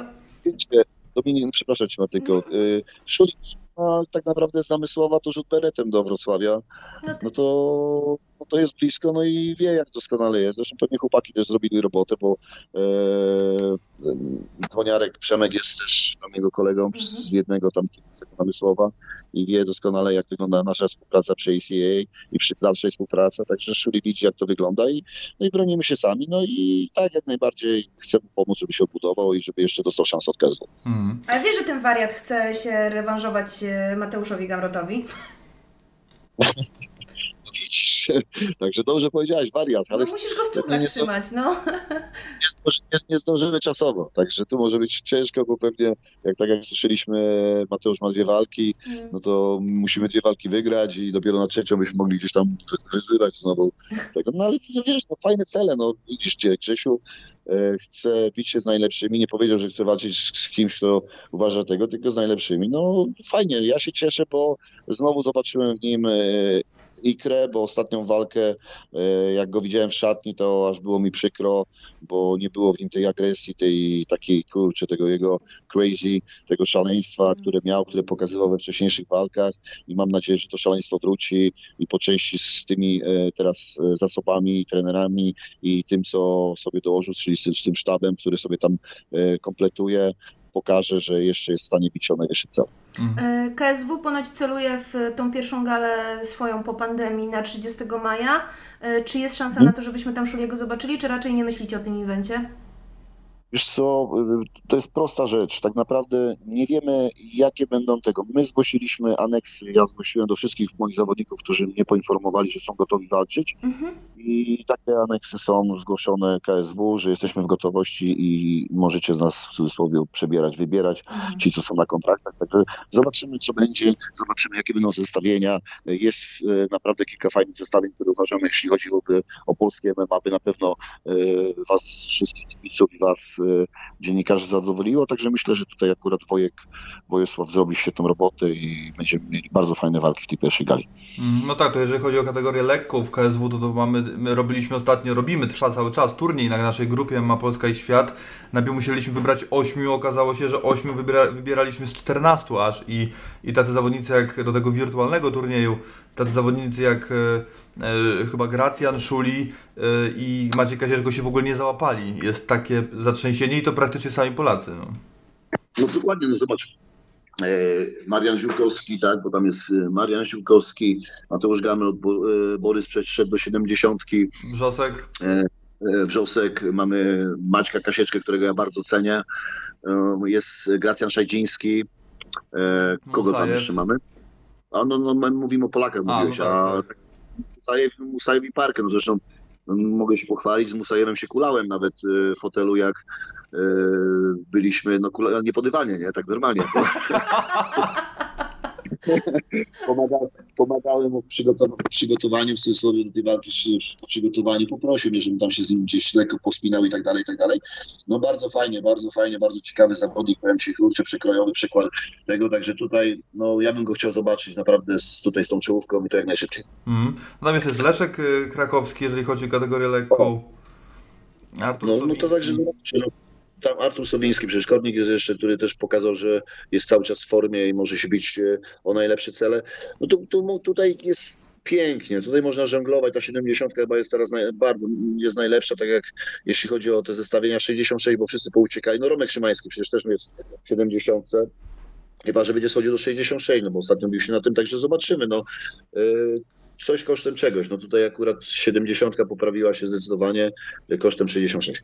No tutaj akurat tak, tutaj, tutaj trochę gorzej. To przejdziemy w takim razie do pytań z YouTube, ze społeczności zadanych wcześniej.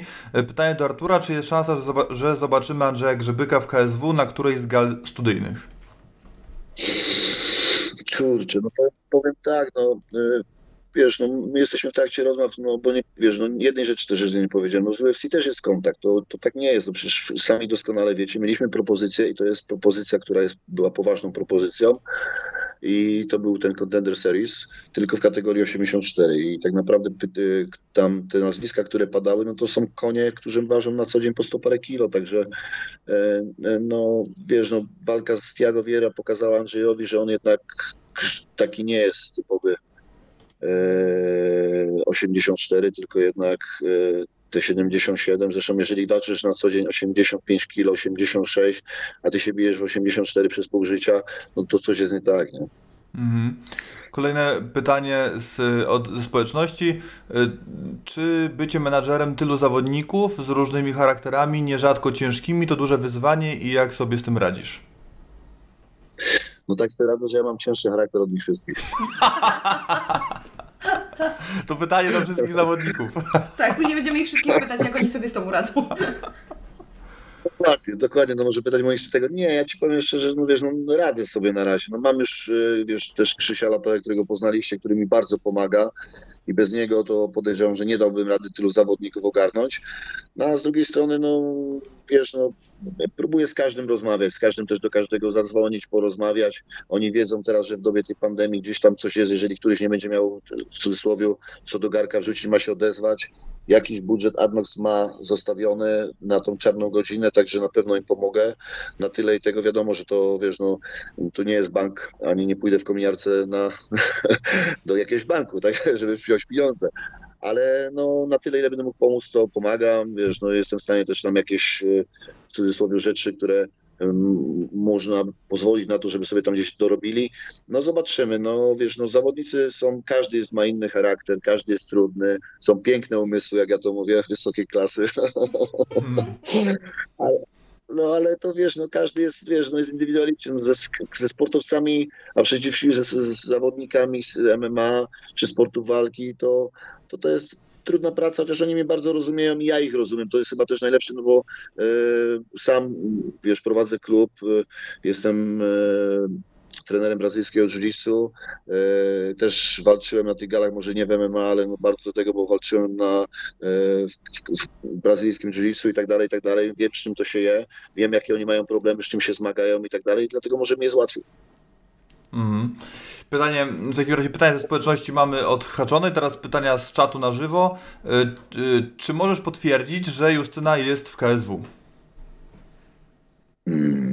Nie mogę tego potwierdzić, bo to musi potwierdzić KSW, tak? No, y, jeżeli by do takiej sytuacji doszło, no to chyba bym wiedział pierwszy, nie? Justynka o tym powiedziała, czy jesteśmy w jakichkolwiek rozmowach. No rozmowy zawsze są, no wiesz, no ja rozmawiam z każdą federacją, zresztą widzicie, ja tak rozmawiałem z Babilonem, tak rozmawiałem, że zostałem matchmakerem. To słuchaj, tak jakbyś tak z KSW rozmawiał, to się Ja. Wojek się nie ucieszy. Ja tutaj wiesz, nie, nie, nie, nie, nie, nie. Ja uważam, że on robi dobrą robotę, naprawdę. Nie? I jego zestawienia to są ciekawe. Chyba, że on myśli naprawdę o dwóch, trzech galach do przodu i te ustawienia są, e, wiesz, ciekawe i pewnie i było już kilka razy z tego, jak pamiętam, że e, te ustawienia, które on robił, były bardzo krytykowane, a potem po walce było, o ja pierdolę, jaka walka, nie? Także tutaj akurat Tutaj akurat jest to chyba odpowiedni człowiek na odpowiednim miejscu. Nie, no tutaj to bez dwóch zdań. No, jakby można wymienić 10 zawodników, których e, załatwił Wojek, którzy podnoszą o 30% poziom sportowy KSW przynajmniej, także tutaj nie ma w ogóle o czym... Dokładnie. O czym... Tak, tak, także tutaj jest, wiesz, ja, ja go bardzo cenię e, jako matchmakera i uważam, że bardzo dobrze dobiera i ja mam dobre relacje, jeśli chodzi o takie rzeczy, które są najważniejsze dla mnie i jak, wiesz, ja bardzo też cenię go za to i cenię w ogóle e, ich, jeśli chodzi o KSW, że jeżeli dadzą mi na coś słowo, to jest, to słowo jest dotrzymywane i to tak samo jak ja, jeżeli ja coś powiem, jeżeli e, na coś się zgodzę, no to dotrzymuję tego słowa, no bo tak trzeba w tych, w tych czasach i w tym świecie, jeśli e, nie jesteś odpowiedzialny za swoje słowa i czyny, no to nie masz co istnieć. Mhm. Więc kolejne pytania z czatu i tutaj przechodzimy powoli do tylko jeden. I pytanie, Gładkowicz, Dołgowski, Bartosiński, gdzie chciałbyś ich zobaczyć? Gdzie ja bym chciał ich zobaczyć? No w KSW, no tak. Normalna sprawa. A powiedz, to, to w takim razie to, ja to trochę rozszerzę, to pytanie rozbiję na atomy. Jak, mm, jak duża szansa jest na to, że Adrian Bartosiński trafi do KSW poza programem? Mm, Dlaczego poza programem? No bo już jakby jest poza programem, w związku wczor- wczoraj mi odpadł, tak mi w, te, w Polsacie powiedzieli, no. No wiesz co, no powiem ci tak, no odpadł. No tak, no odpadł fizycznie w cudzysłowie z uwagi na to, że przez kontuzję e, no nie mógł, e, może tak, złe słowo, nie mógł. Adrian chciał walczyć i to bardzo chciał walczyć, nawet z tą złamaną ręką. Mhm. Naprawdę. No tylko była decyzja, bo lekarz zablokował to, że może to się pogorszyć. E, No i no, włodarze, czyli KSW i całe Edmol podjęli taką decyzję, że nie będą narażać zdrowia zawodnika i zdecydowali się na taki ruch, który widzieliście wczoraj w programie. Mm, No bo y, 19 ja wyliczyłem, to już jest bez znaczenia, ale ponad miesiąc temu była walka. Y, Ile jest tygodni po operacji? Wiesz co, dwa tygodnie, całe 10 dni chyba, chyba jakoś tak. Musiałbym zobaczyć e, na, na wiadomości. E, Operacja w Warszawie, w ML-u. Tutaj, e, tutaj to jest, powiem Ci, bardzo fajne. No KSW zachowało się świetnie, no co, no doprowadziło do tego, że ta operacja poszła na ich koszt. Chyba to wszystko tak zostało fajnie zrobione i zorganizowane, żeby chłopak miał e, całą kompleksową opiekę. Teraz ma rehabilitację. Operacja udała się podobno rewelacyjnie. Mamy potwierdzenie, że ręka jest, e, zaczyna wracać do tego. Zresztą już widzieliśmy Andrzej, e, Adrian e, wrzucił na media chyba filmik, że już zaczyna, próbuje trenować. Także myślę, że wiesz, pomimo tego, że w cudzysłowie odpadł z programu, to Andrzej jest, e, Adrian, Adrian jest przede wszystkim finalistą, tak i niespełnionym tego, bo, nie, bo póki się nie dowiemy, póki nie dojdzie do walki z Tomkiem Romanowskim, kto był lepszy. Mhm. To powiedz w takim razie, czy w ogóle była jakaś opcja manewru? Mam na myśli to, aby.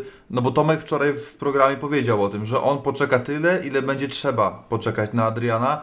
Czy w ogóle była taka, taki temat? No bo z tego co nam wiadomo, e, decyzja zapadła w dniu półfinału, czy dzień po półfinale, tak naprawdę o tej zmianie, więc e, czy w ogóle była opcja, że Polsat czy KSW, no nie, chyba Polsat w tym wypadku, e, poczekają, aż Adrian dojdzie do siebie, no bo wiemy, że Tomek by poczekał. Wiesz, no Tomek fajny chłopak i charakterny i to jest akurat jego, jego cecha i w ogóle no bi- bitny strasznie, zresztą pokazuje te walki, że wrócił na dobry tor. Powiem Ci tak, no jak wiemy wszyscy, ten program jest nagrywany z opóźnieniem, tak? Mhm. Znaczy nagrywany przede wszystkim puszczany z opóźnieniem, tak? E, Czyli jeżeli jest tak, tak robione, no to gdzieś tam systemowo wypadało, że ten finał przypada chyba na ten, na ten następny piątek, tak? Czy sobotę? Tak, piątek. No. na piątek.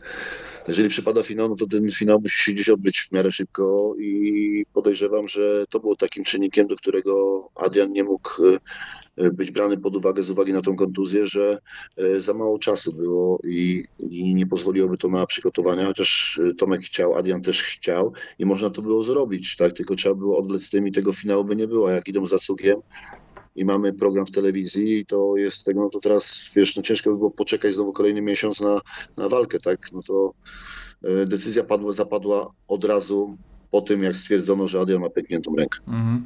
No zapytałbym Cię, co sądzisz o zastępstwie, natomiast no tak naprawdę wczorajszy odcinek chyba nam odpowiedział na to pytanie, ponieważ e, było pytanie, czemu nie Leda, e, albo czemu nie Sobiech e, i tak dalej, natomiast no tutaj chodziło o Ledę, to chodziło chyba o to, że mm, jakby obligatoryjnie zawodnik po, no, po nokaucie musi odczekać miesiąc.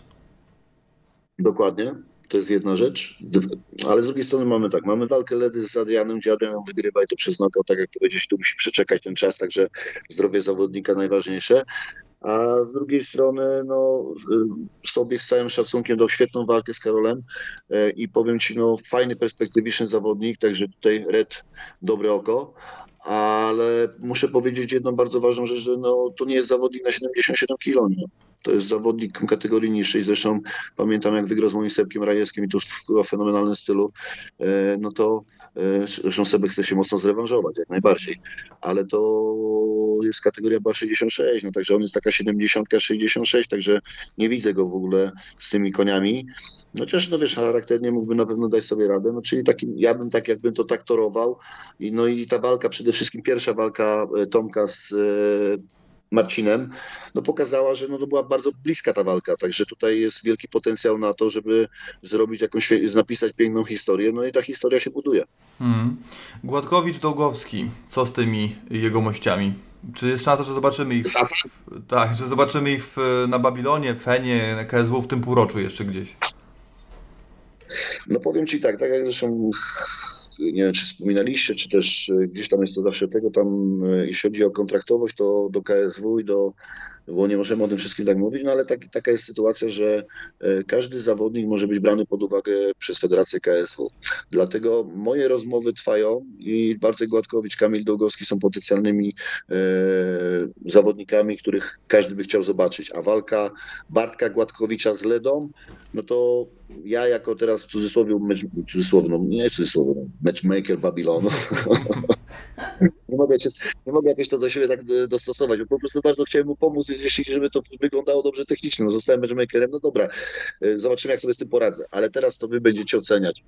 E, proszę tylko nie hejtować mocno. E, druga Druga sytuacja jest tylko taka, że ja tą walkę, to ja ją zrobię. No to ci obiecuję, jeżeli dojdzie do takiej sytuacji, że będzie tego, no to czy FEN, czy Babylon no, powinni taką walkę zrobić i, i wykorzystać ten potencjał. Ale myślę, że KSW wie, że to jest taki potencjał, że trzeba było tą walkę zrobić, a na tych pierwszych walkach wstępnych, no to ci zawodnicy mogliby się śmiało bić. Co do Kamila Długowskiego, to tak naprawdę to jest zawodnik, który e, przegrał walkę z, przez kontuzję, a tak naprawdę pokazało nam, że to tak diagnoza nie do końca była trafna, no bo po godzinie już było ok, chociaż no oko wyglądało, ja to widziałem, także oko było, ta źrenica była minimalna i lekarz śmiało mógł podjąć taką decyzję i ją podjął. No i nie doszło do tego, żeby pokazać, czy Kamil Długowski mógłby w drugiej rundzie odwrócić losy tego pojedynku, a Kamil jest naprawdę świetnym zawodnikiem, czaruje naprawdę i rozwija się bardzo dobrze, dlatego uważam, że tutaj na pewno będą moje pytania do tego, czy ich puszczą do jakiejkolwiek innej federacji. Mm. No dobrze, no to, to, to, czekamy na rozwój e, tych wypadków e, i przechodzimy do kolejnych e, e, pytań. Szukam, szukam, szukam. Co tutaj ciekawego jest? E, pu, pu, pu, pu. O, o, o, uciekło. Jest pytanie do Artura. Co się stało, że przestał Pan współpracować z klubem Contender znajdującym się w Kamiennej Górze? Co się stało? Nie mogłem się dogadać z ich trenerem. Do tego e, wcześniej zrezygnowałem ze współpracy z Maszkiem Kalicińskim i to stało się, że automatyczne, nie, nie można było znaleźć wspólnego języka. Mhm. Czy masz zawodników kategorii ciężkiej, których byś wystawił na galę KSW, bo straszna posłucha jest? Tak, mhm. mam. Łukasz Brzeski, Filip Stawowy, Mhm. Kogo jeszcze Mam, mamy tutaj też ciekawych, ciekawych młodych zawodników, których tam jeszcze rozwijamy, ale to są chyba takie dwa, dwaj najbardziej perspektywiczni zawodnicy, którzy teraz e, są, można powiedzieć, tego młodego pokolenia, którzy gdzieś tam się przebijają i pokazują, że w nich drzemią, drzemią olbrzymi potencjał. No wiadomo, że Szymon Bajor, ale Szymon Bajor już był w KSW, jest w FM, także teraz będzie e, tutaj bił się o najwyższe cele. Mhm. Czy starcie e, Barborika z Torresem odbędzie się, jeśli granice się otworzą? Z tego co mam informację, granice już się otworzyły, tak? E, Czeska w każdym razie w tą stronę, czyli e, pozwolili, chyba dzisiaj była taka informacja, dlatego jeżeli tak będzie KSW decydowało, to Wojto jest przygotowany i chce walczyć. Jak czeska się otworzyła, to znaczy, że Wojto czeka dwa tygodnie kwarantanny u nas tylko, ale jak już powróci, to nie musi. To tak chyba trzeba rozumieć. No dokładnie. Mhm. Tak, tak, tak, dokładnie. Tak. Także tutaj to można jakoś e, mądrze zorganizować, a wszystko zobaczymy, jak to będzie dalej. Nie? Mhm. Mm, to jest ciekawa kwestia, to o czym powiedziałeś. To ja tak mniej tej telewizji informacyjnej oglądam, ale może warto je czasem włączyć. Y, Jednak y, tutaj jest takie, y, Artur, jak któryś zawodnik potrzebuje kasy, to u mnie w firmie potrzeba ludzi do ociepleń, dobrze płacą, więc zapraszam. No, już jednego asa mamy w, tym, że e, proponuję fuchy gdzie indziej, także kurczę, w innych stowarzyszeniach i firmach państwowych, także nie, nie, tutaj żartujesz, super, fajnie, dziękuję bardzo, no może któryś z chłopaków, jak nie będzie miał gdzie walczyć, no to e, skorzysta z tej e, propozycji. Y, Adrian Kępa i Sebastian Rajewski, te starcie nie doszło do skutku na armii, czy jest szansa o, zestawienie ich na innej gali? No, jak najbardziej. No, muszę powiedzieć, że no, tutaj miało być walką o pas, czyli o tą szablę przysłowiową u Filipa na armii, także no, to zastawienie musi się odbyć. Także ja uważam, że e, tutaj teraz głos będzie, bardziej muszę z Tomkiem porozmawiać, bo ja bym tą walkę chciał zobaczyć jak najbardziej i uważam, że się fajnie sprzeda. No i z Paweł ma też fajne pole do popisu, żeby tą walkę zrobić. Oni obydwoje są w gotowości z tego, co mam info, także przełóżmy tą walkę na którąś z tych federacji. Czy Jurisic miał być rywalem Michała Michalskiego na KSW 54? Nie. Czy jest szansa na rewanż z Kaszubowskim? To rozumiem Michała Michalskiego. Tak. Kogo Artur by widział dla Andrzeja Grzebyka w KSW czy ACA na pierwszego rywala? Eee, eee, Nie pamiętam, kto jest w, ACA eee, w, pierwszej, tam, w pierwszym topie, w pierwszej piątce, dlatego ciężko mi się odnieść do Federacji ACA. Ale pierwsza do piątka KS rozumiem od razu. No tak, no Czyli tak, no wiesz, no, y, wiesz Andrzej, jest jedna bardzo ważna rzecz. w tej Jest Andrzej, jest Andrzej, jest, y, Andrzej jest zawodnikiem, który udowodnił, że ma ogromny potencjał, no i nieprzypadkowo zdobył dwa pasy Federacji FEN w dwóch kategoriach wagowych, przypomnijmy. Y, I po jednej z walk roku, jaką była walka z Kamilem Biatkiem, tak? No to teraz y, co? No teraz go trzeba sprawdzić na wyższym poziomie i ja jestem gotowy na, mi się wydaje, że Andrzej tak samo, żeby zawalczyć z najlepszymi e, w tych dwóch federacjach. Jeśli chodzi o federację KSW, no to walka z Soldiczem bierzemy od razu. A, a co, by, co by się wydarzyło, gdyby. No bo gdzieś może i to się składa nawet. e, jakby jest opcja na walkę Michalski-Grzebyk?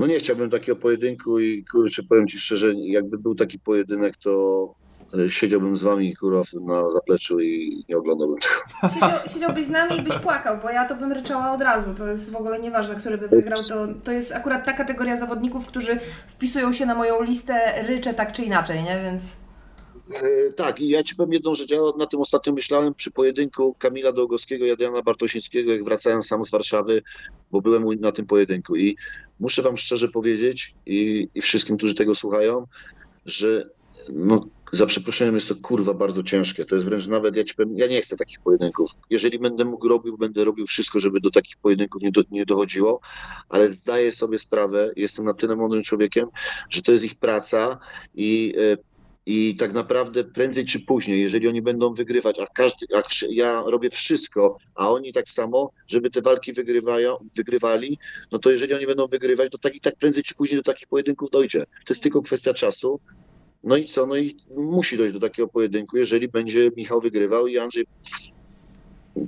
dojdzie do, będzie w KSW i będzie się chciał bić z najlepszymi, no to będzie musiał się bić też z Michałem, bo Michał jest najlepszy. Mhm. No to tylko jeden dostarczyło nam zawodników 7-7, no więc jak będziesz chciał dać Dołgowskiego, Gładkowicza, Bartosińskiego, Grzebyka, no to i masz Michalskiego, to ja nie wiem, czy to się w ogóle uda zrobić walkę pozartnoksową. No. Artur, ja już bym na Twoim miejscu zaczęła robić zapasy psychotropów i żebyś się podzielił też przy okazji, bo ja nie wiem, jak to przeżyjemy.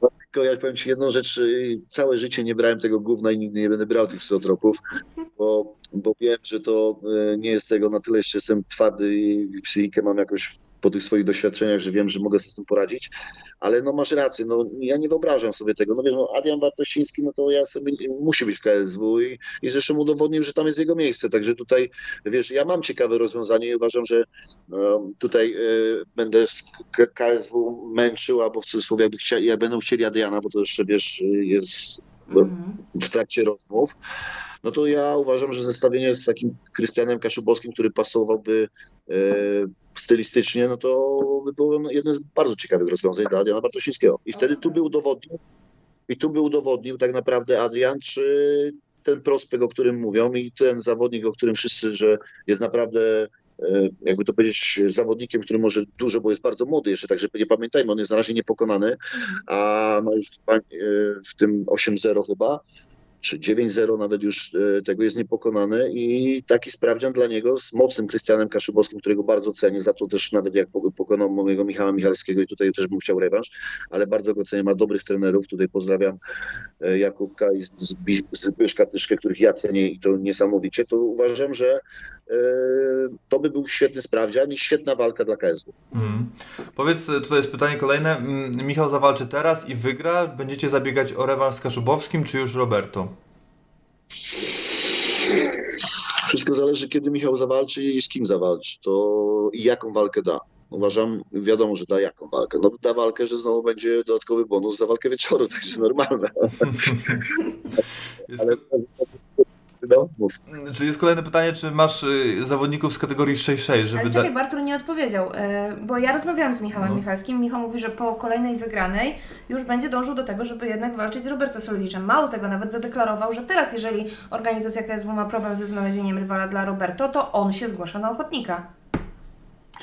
No to widzisz, to mi, Michaś e, tak naprawdę e, jest bardzo ambitnym chłopakiem i uważam, że i perspektywy, i nadal w nim drzemie wielki potencjał i on naprawdę jeszcze da świetne walki, ale Michał musi mieć pełen okres przygotowawczy i to jest taki zawodnik, który, e, bo są zawodnicy, którzy jednak tam gdzieś mogą sobie pofolgować, a Michał musi mieć wszystko zapięte do, po ostatni guzik i doprowadzone do perfekcji, żeby on sobie sam czuł w głowie i, i wiedział, że zrobił wszystko, a to, co się stało w klatce, to już e, to był tylko na przykład błąd, czy cokolwiek i tak dalej, jeśli by nie było niepowiedzenia. Jak wygrane, to zrobił wszystko, żeby wygrać. Jest. Dlatego uważam, że na tym etapie i na tym, co jest, czyli na etapie pandemii i tego, jakie są trudne czasy do tego, żeby się przygotować pod względem sparring partnerów, e, treningów, e, trenerów i całego sztabu i tego, co, się do przygotować, łącznie z odnową biologiczną, z kroplówkami i tak dalej. No, na tym etapie nie. Mhm. Okej. Jest też tutaj kolejne pytanie, czy masz kogoś w kategorii piórkowej y, do KSW albo do Fenu z polskich nazwisk, y, no bo w KSW bardzo brakuje, y, w Fenie też tego dużo nie ma, no. No, kategoria, kategoria piórkowa, e, przypomnij mi tylko kategorię, jeśli chodzi o e, kilogramy, bo mi się 66. zawsze to myli. myli. 66.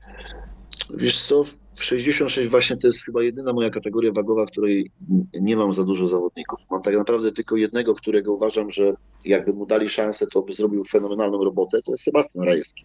Mhm. I to jest zawodnik, który jest teraz na fali wznoszącej, e, zmienił swoje przygotowania, zmienił wszystko i to wychodzi świetnie, no i jest głodny wygranych i tak dalej, ale to na to trzeba sobie zapracować jeszcze jedną walką i taką walką chciałem zapracować z Adrianem Kempą. Mhm.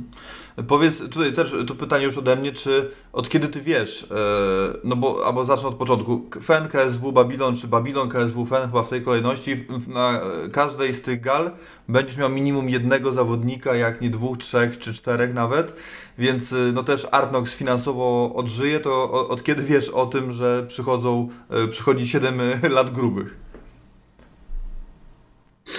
Wiesz co, nie przyjdziesz 7 lat grubych, bo nie zapominajmy, że wszyscy będą ciąć koszta, tak? E, Jak będą ciąć koszta, no to zawodnicy dostaną mniej, a jak zawodnicy dostaną mniej, no to Arnox też będzie miał mniej. A ja jeszcze taki jest plan, że e, ci zawodnicy tacy, którzy mają małe garze, no to ja nie będę brał od nich pieniążków za e, tą moją prowizję menadżerską, no bo no tak im mogę pomóc teraz w tej dobie, która jest. Także zobaczymy, jak to się wszystko rozwinie. Mam nadzieję, że wrócimy szybciutko i będą grube lata, a moi zawodnicy będą się bić o najwyższe cele i pasy i tak dalej. I wtedy odżyjemy i, i wrócą pieniążki do kieszeni. Dokładnie tak. A powiedz, czy, no bo na pewno zaczęliś, zacząłeś jakieś rozmowy ze, ze ze sponsorami, jak te rozmowy przebiegają, w jakim tonie w ogóle? No, no co, no, e, no kurczę, to jest trudny, trudny czas dla wszystkich. Nie mogę w żaden sposób, rozmawiam cały czas, no, część sponsorów zostanie, tak, została, powiedziała, że pomogą dalej i tutaj naprawdę, tutaj chciałbym bardzo podziękować, bo tutaj e, e, Golden Plus, Imperial Granite, przede wszystkim Veritas, to są takie trzy firmy hoteliarse, który ma bardzo ciężko, a nadal też pomaga, także e, tutaj akurat te firmy e, gdzieś będą wspierać, powiedzieli, że cały czas, e, wiesz, firmy budowlane, czy jakiekolwiek mają nadal z tego, co nawet słyszę, jest nawet u nich progres, czyli ludzie teraz, wiesz, no, w dobie e, trudnych czasów i tego, że siedzą w domu i tego, no, robią remonty, tak naprawdę cały czas gdzieś tam jakieś inwestycje i tak dalej, i tak dalej, to ci, co mają, no to gdzieś to funkcjonuje, ale są rozmowy ze sponsorami, którzy na przykład zawiesili e, współpracę, nikt na razie mi nie zrezygnował, zawieszone są współprace i, i czekamy na lepszy czas. Mhm. Pytanie kolejne, trudny czas. pytanie kolejne o kategorię y, kogucio, czyli do 61 kg, czy tam kogoś masz w ogóle? No pewnie, że mam. Mhm, to nawet powiem ci, szczerze, że, nawet powiem ci szczerze, że mam bardzo mocnych, fajnych chłopaków. To 60, to kto z tych sz- sz- 60 jedynek mógłby e, zasilić te topowe organizacje w Twojej opinii? Patryk Surdyn, Piotrek Kamiński, Rafał Statkiewicz. Mhm. No to faktycznie. Faktycznie To są 60, to są 60. Rafał Statkiewicz to też jest y, zawodnik, który na co dzień mieszka w Anglii, który też nie chcą się z nim za bardzo bić, z uwagi na swoje bardzo dobre zapasy. Y, Piotrek Kamiński już udowodnił, rozmawialiśmy, a Patryk Surdyn, no to wiesz, no zbił całą, zbił wszystkich w armii, którzy byli do zbicia i, i tak naprawdę, no wiesz, no KSW y, uważam, że powinno sięgnąć po tego zawodnika. Mhm. No tak, no to jest, często się już długo, długo się mówi e, w kontekście. No ja, ja to jestem ciekawy, jak ta 61 się w ogóle rozwinie w Polsce, bo e, topornie idzie bardzo, tak jak zresztą walki kobiet na, na KSW, także miejmy nadzieję, że to się e, rozkręci. No dobrze, i ostatnie pytanie, Artur, do Ciebie, już Ci dajemy święty spokój w weekend. Powiedz, z którą federacją pracuje się najlepiej? No teraz to pewnie z Babilonem. Nie, nie, nie, nie, nie. Wiesz co, powiem Ci tak, każdy, każda federacja jest specyficzna, każde rozmowy są inne i e, każde e, moje, mm, jakby to powiedzieć, relacje też są inne. E, najdłużej znam się z Pawłem Jóźwiakiem, i nawet się znam tak, że była awantura i, i, i było bardzo, źle- bardzo źle w naszych relacjach. Te relacje teraz są bardzo dobre, bo uważam, że konstruktywna krytyka i to, że e, Paweł zaczął słuchać i ja tak samo docierają do mnie te argumenty i jego do mnie, to e, te relacje są poprawione. Zresztą jak widzieliście po ostatnich galach, które były, no to wiesz, no, duża zasługa tego, że te gale tak fajnie wypadały, no bo Artnoxy dawały świetne walki, tak? I Paweł zaufał mi i moim zawodnikom i no i, no i na tym wyszedł na plus. Z Tomkiem Babilońskim mam bardzo dobre relacje, zresztą z, z tego co widać chcę, gdzieś tam wpadli na pomysł, żebym pomógł mu tam w tym. Ten matchmaker to jest za duże słowo. Ja to bardziej chciałbym powiedzieć, że tutaj pomagam w tej sytuacji. Będzie ode mnie nie do końca zależeć wszystko, bo ja chciałbym mieć, jeżeli mógłbym ustawiać, to bym chciał mieć taką władzę autorytarną, że stawiam tego, oczywiście ja z nimi konsultuję, ale tak naprawdę powiedzmy sobie szczerze, że e, Tomek e, zna się dobrze na boksie, ale na MMA e, myli nazwiska i nie wie też tak naprawdę, który jest w jakiej kategorii. Jemu ciężko się tego, on się dopiero tego uczy. Już się nauczył i naprawdę wychodzi mu to fajnie i też jak ma fajne pomysły, no to, to są dobre pomysły i uważam, że jeśli dojdzie do tego, że będzie jeszcze dłużej w tym tym, no to będzie miał większe rozeznanie i na pewno to będzie tak samo fajnie się poruszał jak w boksie, ale teraz potrzebny mu jest ktoś, kto e, gdzieś tych zawodników bardziej czyta i będzie mógł tych zestawień sportowych, no bo taki mam przekaz. E, Federacja Babylon chce robić walki sportowe. e, typowo sportowe, mocne i tak dalej, i tak dalej i chcę być trampoliną do UFC. Czyli zapraszam wszystkich zawodników, którzy chcą bić się dla Babilonu, a z tej federacji dojść, jeżeli będą wygrywać po najwyższe cele i zgłosi się po nich UFC, no bo tak pewnie będziemy robić. Taki kierunek jest prowadzony i taki będzie. I mówimy tutaj pewnie tutaj Daniel Skibiński jest chyba najbliżej tego wszystkiego, Łukasz Brzyski, jeśli będzie wygrywał, e, Łukasz Cudolski tak samo, także tutaj uważam, że jest kilku zawodników, którzy naprawdę mają jedną z natych, no bo to są te kategorie wagowe, które tylko może Daniela, bo to sama jest kategoria jak Andrzeja, że jest bardzo ciężko, żeby tam się dostać, no ale już waga ciężka, jak sami wiecie, i, pół, i półciężka, e, to jest e, coś, co e, zawsze jest głodny rynek i potrzebują nowych, bardzo ciekawych perspektyw zawodników.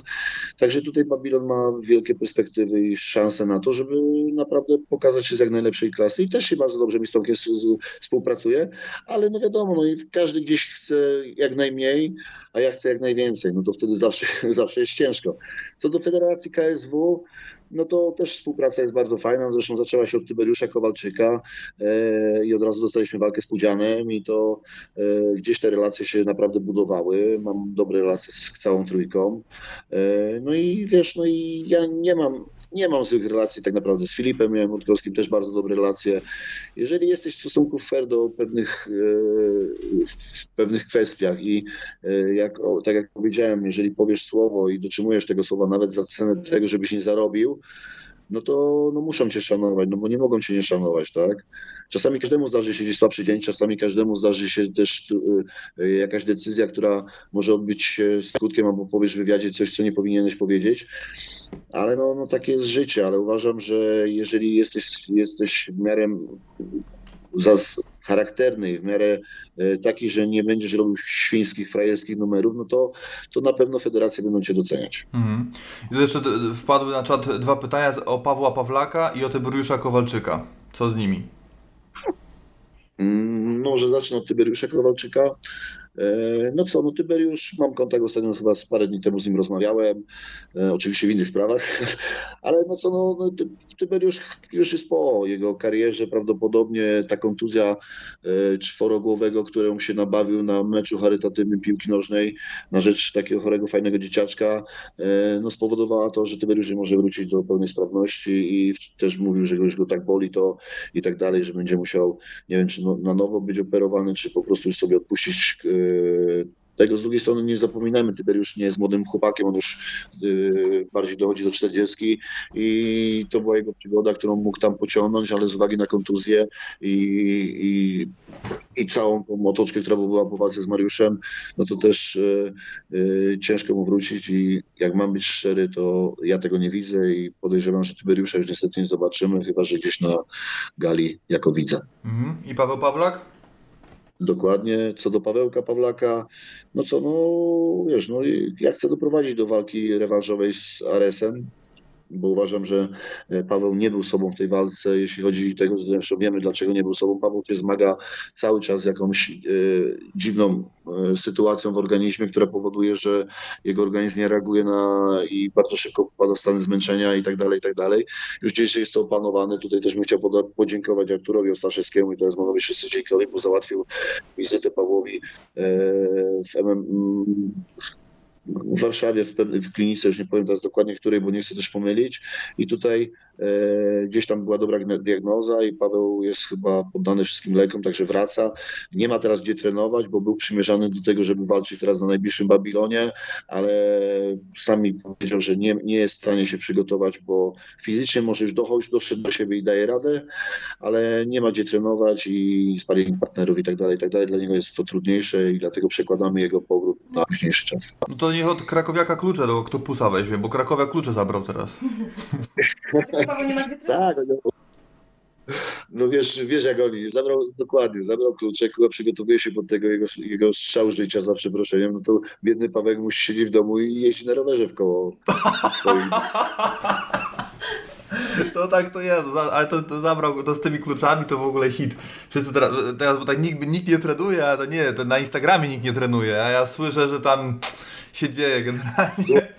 Ja, ja, ja powiem tak, ja mam takie przecieki, że za przeproszeniem teraz już będę tak bardzo tego, wszyscy zapierdalają jak dziki.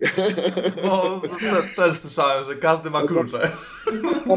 tak słuchaj, ja rozmawiam z chłopakami, ja muszę ci powiedzieć, że sam po sobie, że no kurde siedzę w domu, rano jem śniadanie, no to wychodzę, to od razu robię trening, zresztą no nie wiem czy widziałeś, zrobiłem sobie w stodole u mojego sąsiada e, gym, mam worek, mam wszystko, mam oponę, mam jakieś prace codziennie na rowerze, jeżdżę, no, ja sobie zrobiłem mini camp, normalnie jestem w przygotowaniach tego, także chłopacy też tam niektórzy tak robią, tylko jest jedna rzecz, ja mam dobre warunki, mieszkam po, pod Wrocławiem, mam e, dom, mam działkę, mam możliwości, mam obok domu piękny las, który jest, są płucami Wrocławia i tak naprawdę mam warunki do tego, żeby sobie fajnie radzić w tej dobie, która teraz jest tego, ale nie zazdroszczę ludziom, którzy są w blokach, w jakich apartamentowcach, gdzie tak naprawdę są skoszarowani. Ja to przeżyłem na własnej skórze troszeczkę w innych warunkach, wiem jak to wygląda i oddział zamknięty jest naprawdę ciężkim oddziałem.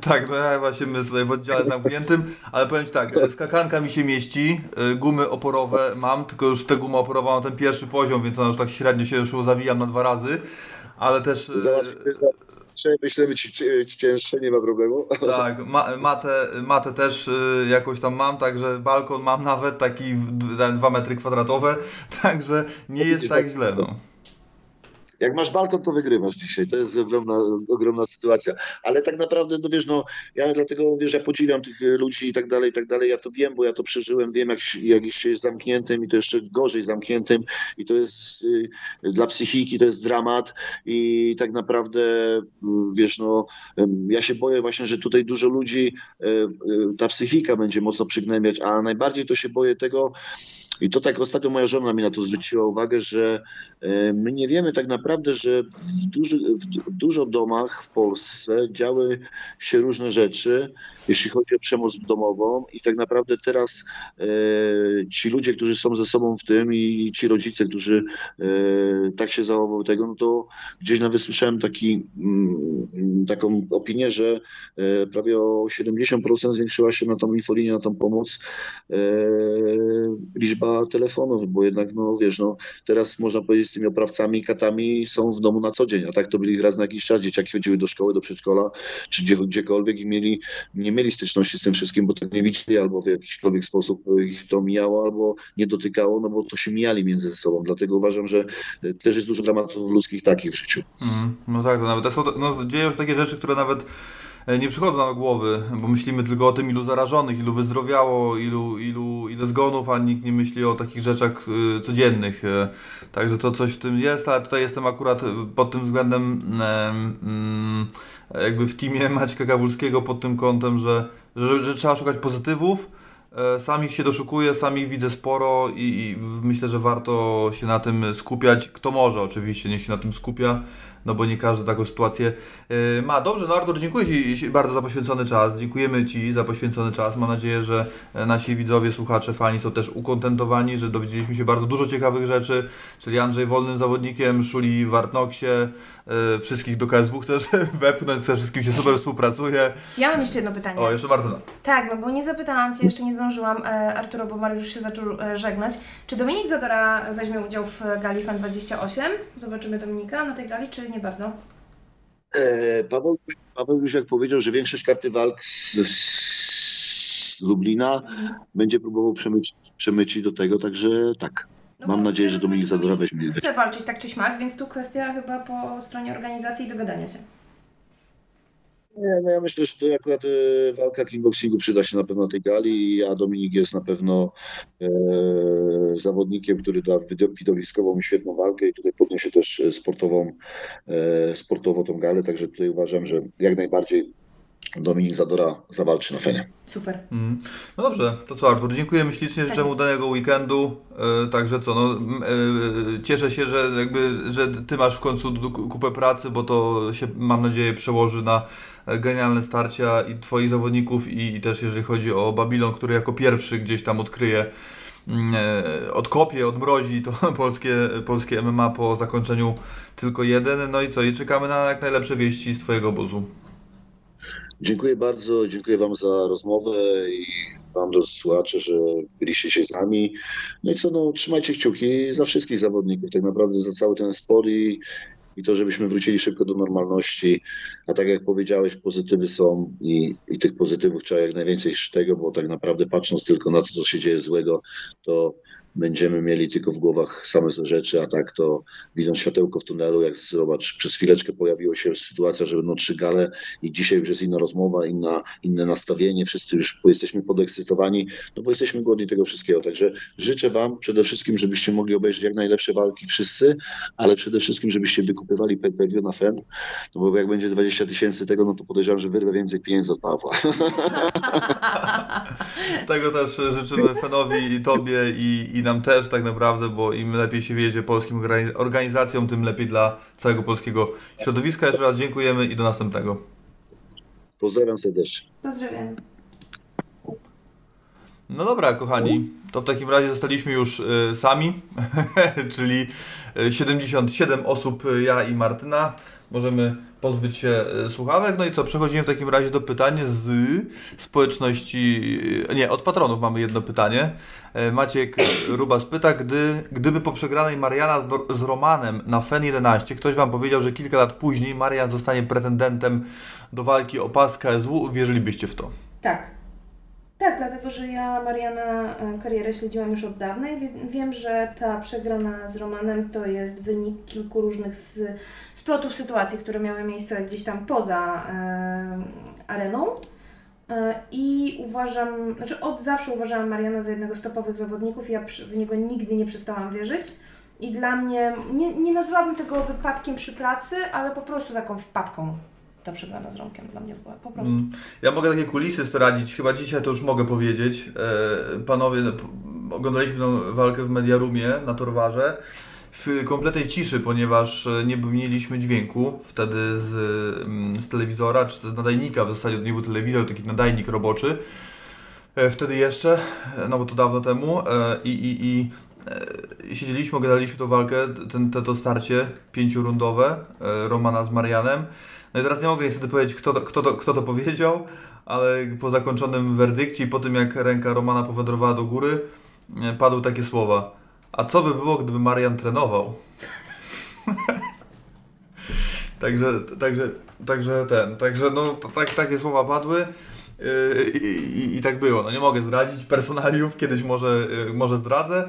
Yy, No ale zmieniło się bardzo dużo. Umówmy się, yy, trener Okniński dwoił się i troił, aby Marian był, yy, jeździł na treningi, starał się i naprawdę trener Okniński jakby odkrył, stworzył też tego zawodnika. Natomiast odnalazł się on dopiero w WCA. Tam wpadł w, taki, w takie towarzystwo, jakkolwiek to zabrzmi, i w taki reżim i po prostu no, to nie jest tak. To jest tak jak z Rose na Majunas. No, Trevor Whitman nie jest najlepszym trenerem na świecie i Edmund Traverdian też nie jest najlepszym trenerem na świecie, ale potrafili stworzyć takie, takie gwiazdy, takie osobowości, takich zawodników, że, że, że, że, którzy, mieli pasy UFC na swoich biodrach, więc e, zawodnik musi grać z dobrym trenerem. Czasami najlepszy zawodnik z najlepszym trenerem nie będzie, yy, nie będzie osiągał sukcesów. I zresztą Asia Jędrzejczyk miała genialnych trenerów. W Arachionie nie miała świetnych sparring partnerów, miała Kubę Wikłacza i sięgnęła po pas UFC. Przechodząc do ATT oczywiście się nie zepsuła, natomiast yy, no, te, ten temat yy, Asi i ATT był przewijany tysiąc razy i w mojej opinii jest teraz lepszą zawodniczką niż była odchodząc yy, z Olsztyna, ale na to też był potrzebny czas, aby to, to za się wydobyć. Także trener Rotnicki nie był wtedy najlepszym trenerem, po prostu widocznie dla Mariana na tamten moment, albo może Marian nie miał najlepszego podejścia. Teraz to w WCA się to zmieniło jak za dotknięciem czarodziejskiej różdżki, podobnie było z Jankiem, także i może z Piotrkiem Strusem też nawet, także myślę, że to jest po prostu kwestia dopasowania się do odpowiedniego teamu, do odpowiedniego sztabu trenera itd. itp. I nie zawsze y, y, 5 plus 5 to jest 10 większe niż 2 plus 2, nie? które jest 4. Także nie każda, tutaj nie ma, to nie jest matematyka i tu Sherdog i, Umi- i Słupki na koniec roku nie walczą, to ważne jest, żeby się zgrać, dopasować i żeby to żarło. Last Heroes pisze na czacie, że słyszał y, kiedyś, że Ziółkowski trenował jeden, dwa razy w tygodniu przed walkami y, i chyba sam nawet o tym mówił w Trybunie Ludu. Ja tej trybuny nie oglądałam, natomiast wiem, że tak było. Tak, no, było. trener Rokniński jeździł, y, kiedyś Marianowi sterydy zarzucano, a Marian, ktoś, um, trener Rokniński chyba powiedział, że Marian to o kreatynie i o y, witaminach zapomina nawet. Mm. Więc o jakich w ogóle sterydach mowa y, i też był temat, trener Rokniński jeździł przed treningami po Mariana do domu i go z łóżka wyciągał. Też takie były sytuacje, także... Ja uważam, że ten pseudonim Golden Boy w przypadku Mariana nie wziął się z niczego i naprawdę to jest Golden Boy, a w zasadzie taki diamencik trochę tak naprawdę wy- wy- wymagający oszlifowania, żeby być brylantem i on jest w tej chwili w doskonałej szlifierce. Tak jest. Yy, No i teraz przechodzimy yy, do pytań ze społeczności. Mm, Wasi ulubieni komentatorzy piłkarscy i dlaczego jest to duet Szaranowicz-Szpakowski? No to jest temat z poprzedniego podcastu, Ciebie na nim nie było.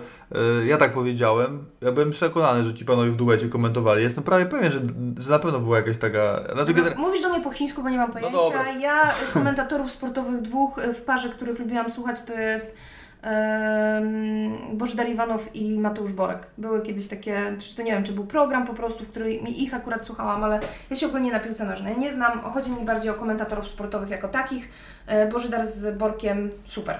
Cokolwiek oni tam prowadzili sobie, lubiłam te programy oglądać. Tak jest. No to, to tyle. Ale no wiem, że pół żartem, pół serio było pytanie oczywiście, ale serduszko leci do PCHN yy, użytkownika devil8.pl Gamrot versus Ali Jakinta, Soldic versus Durajew, Durajew versus Askan. Kto by wygrał w takich potencjalnych starciach według Was? O, Marta chciała merytoryczne pytania, a nie lifestyle'owe, to zapraszam. Właśnie, bo ja chciałam powiedzieć, że jak ostatnim razem Mariusz mnie zaprosił do podcastu, to zadawaliście tylko pytania o lifestyle, a było bardzo mało pytań merytorycznych. Chciałabym powiedzieć, że ja jednak coś tam na tym MMA się znam, więc się chętnie wypowiem.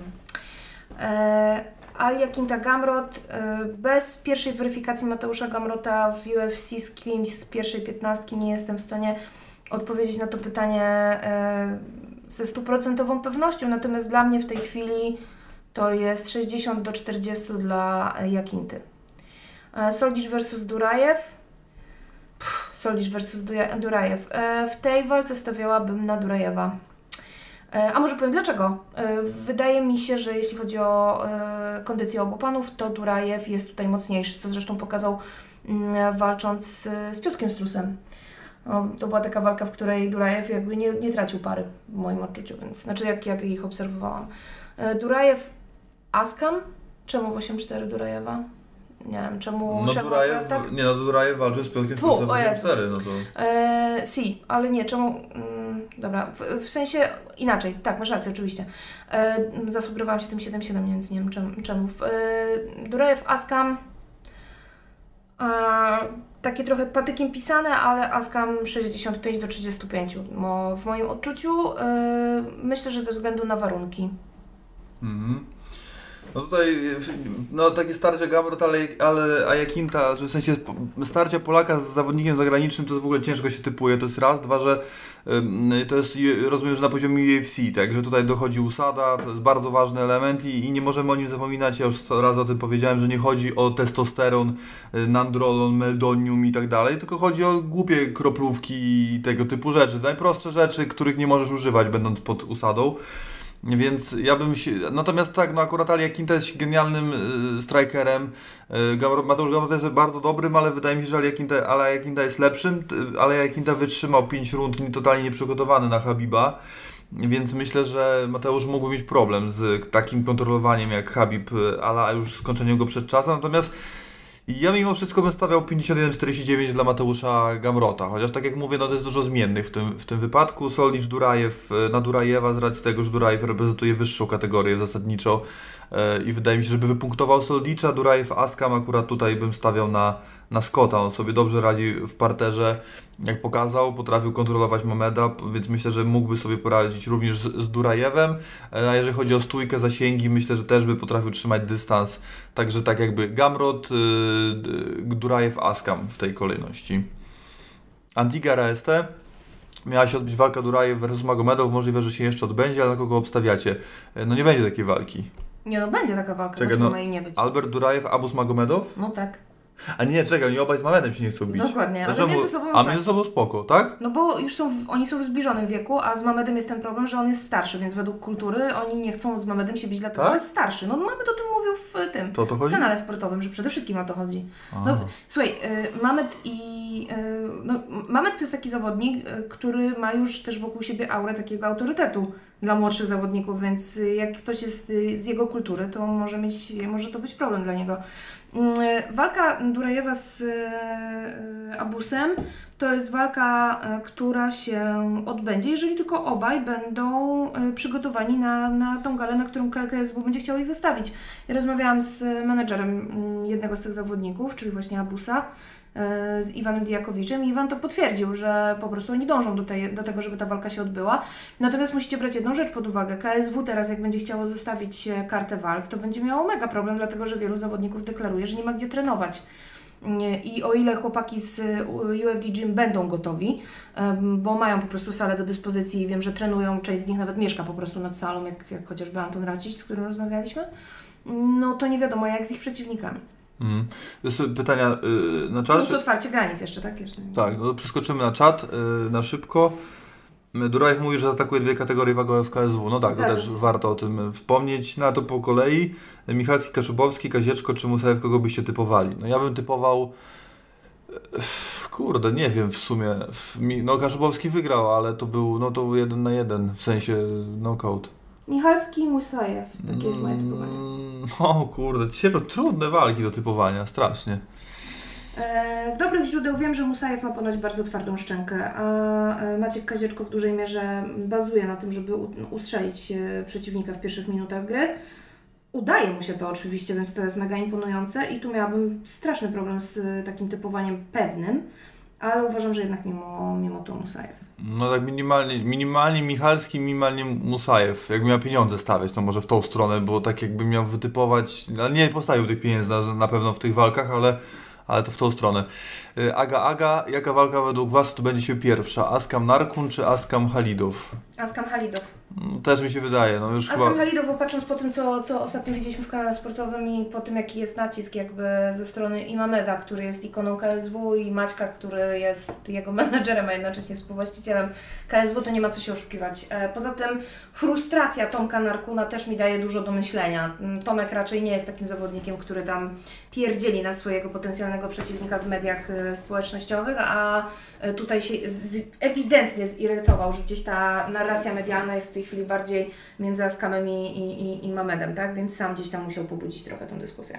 Nie no, dla mnie to starcie nie ma teraz sensu, no. Ale to jest moja Ale opinia. Aga się nie pytał o sens, tylko pytał o to, Ja że wiem, będzie. wiem, wiem. Antigara ST pyta dalej. Nie tak dawno Martin Lewandowski był tak jakby twarzą medialną KSW. Maciej Kawulski robił medialnie minimum, jeżeli chodzi o wywiady, etc.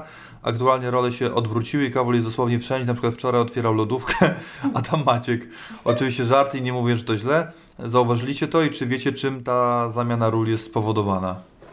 Ja myślę, że to jest trochę przypadku w tym, bo y, jakby wyciszyło się polskie MMA, y, a Maciej Kawulski po prostu jest y, go więcej w tylko jeden. Jakby on, mm, jakby to jest, no chyba, nie wiem, czy to nie jest jego pomysł, projekt, albo projekt, którym on się opiekuje w KSW, no bo Marcin się pojawia tylko przy okazji walk i tych wyborów, tych telefonów, tam gdzie z Wojkiem się znajdują. Jakby Maciek jakby w tylko jeden jest tą postacią, na której więcej spoczywa, to jest raz, no i jest y, y, zakumplowany z Mateuszem Borkiem od wielu lat, są przyjaciółmi chyba, jak to mówią. E, No i pojawił się w Hate Parku i w Octagon, Octagon Live, także no z tego wynika to, że był dwa razy po prostu w dwugodzinnym programie, więc mieliśmy 4 godziny Maćka plus y, tylko jeden, no myślę, że z tego to wynika, a tak to, to, nie, to, znaczy, to nie zauważyłem tego aż, aż tak. Ale tak, no coś w tym jest, natomiast nie, nie uważam, żeby to było sterowane w jakikolwiek sposób. E, Jeżeli się odbędzie UFC, to Enganu versus Rozestruk, kto, kogo i dlaczemu. No już się wypowiadałem na ten temat na poprzednich podcastach. Ja stawiam na Francisa.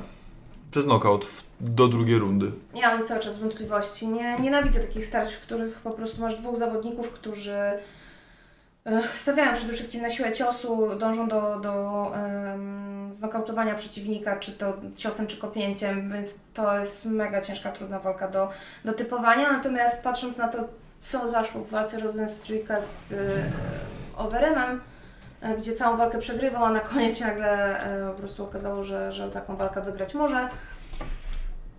Wydaje mi się, że to może być decyzja i to może być walka po prostu na dystansie trzech rund, ale to jest takie kurde 50-50, więc e, chyba bym, chyba bym nie chciała wskazywać przeciwnika Mhm. e, wy, wygranego. P, p, p, p, ponownie UFC Cruz versus Cejudo, no po, ponownie, no bo to mamy potwierdzone. Y, Ja kibicuję Cruzowi, trzymam kciuki za Cruza. Y, Walka Cruza z Dillashowem y, była tą walką, która gdzieś mi w ogóle odczarowała tę kategorię, którą się nie interesowałem nigdy. I, i tutaj liczę mocno, że Cruz... I nie widzę, nie rozumiem w ogóle y, jakby krytyki tego zestawienia aż tak bardzo. Nie wiem, na czym polega problem, biorąc pod uwagę, że nikt w tej kategorii nie jest gotowy, aby walczyć w ogóle, a Cruz, który nigdy nie jest gotowy walczyć, nagle jest gotowy, żeby walczyć i akurat jest zdrowy podobno, także tutaj jakby to też na ten temat dwa słowa chciałem powiedzieć. E, Bartosiński tak dostanie kontrakt ze względu na kontuzję i brak przegranych w programie, czy wróci do ofensywy? Zapyta, aha, no to to było pytanie do Pawła, no to my tu już nie wypowiadamy. E, Paweł Płatek, mam pytanie, czy jest szansa na wywiady online z zawodnikami programu tylko jeden, z tymi, którymi wywiadów na kanale nie ma, czy jest szansa na wywiad online z włodarzami KSW i zawodnikami, z których udział na gali Fenu został ogłoszony? E, Tak, w skrócie. Y, więc co do tych, co, y, którzy odpadli, no to z Marcinem Karakowiakiem wywiad był. Y, Na pewno porozmawiamy jeszcze przed finałem, czyli w przyszłym tygodniu z Adrianem Bartosińskim. Y, Na pewno też wrócimy do wywiadu z Kamilem Długowskim.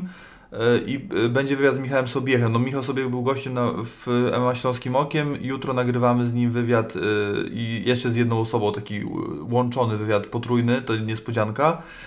E, Więc Michał Sobiek też będzie nadrobiony, chociaż już był tak naprawdę, był też w formacie Filipa, jak zostałem zawodnikiem MMA.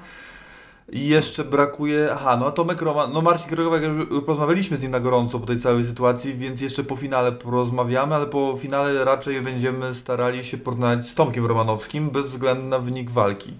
E, I tak jak obiecałem, będzie wywiad e, z kimś, kto reprezentuje KSW, podsumowujący pierwszy sezon tylko jeden. I tu już w tym temacie zostały podjęte kroki i jest wstępna zgoda, także wszystko jest na dobrej drodze. Yy.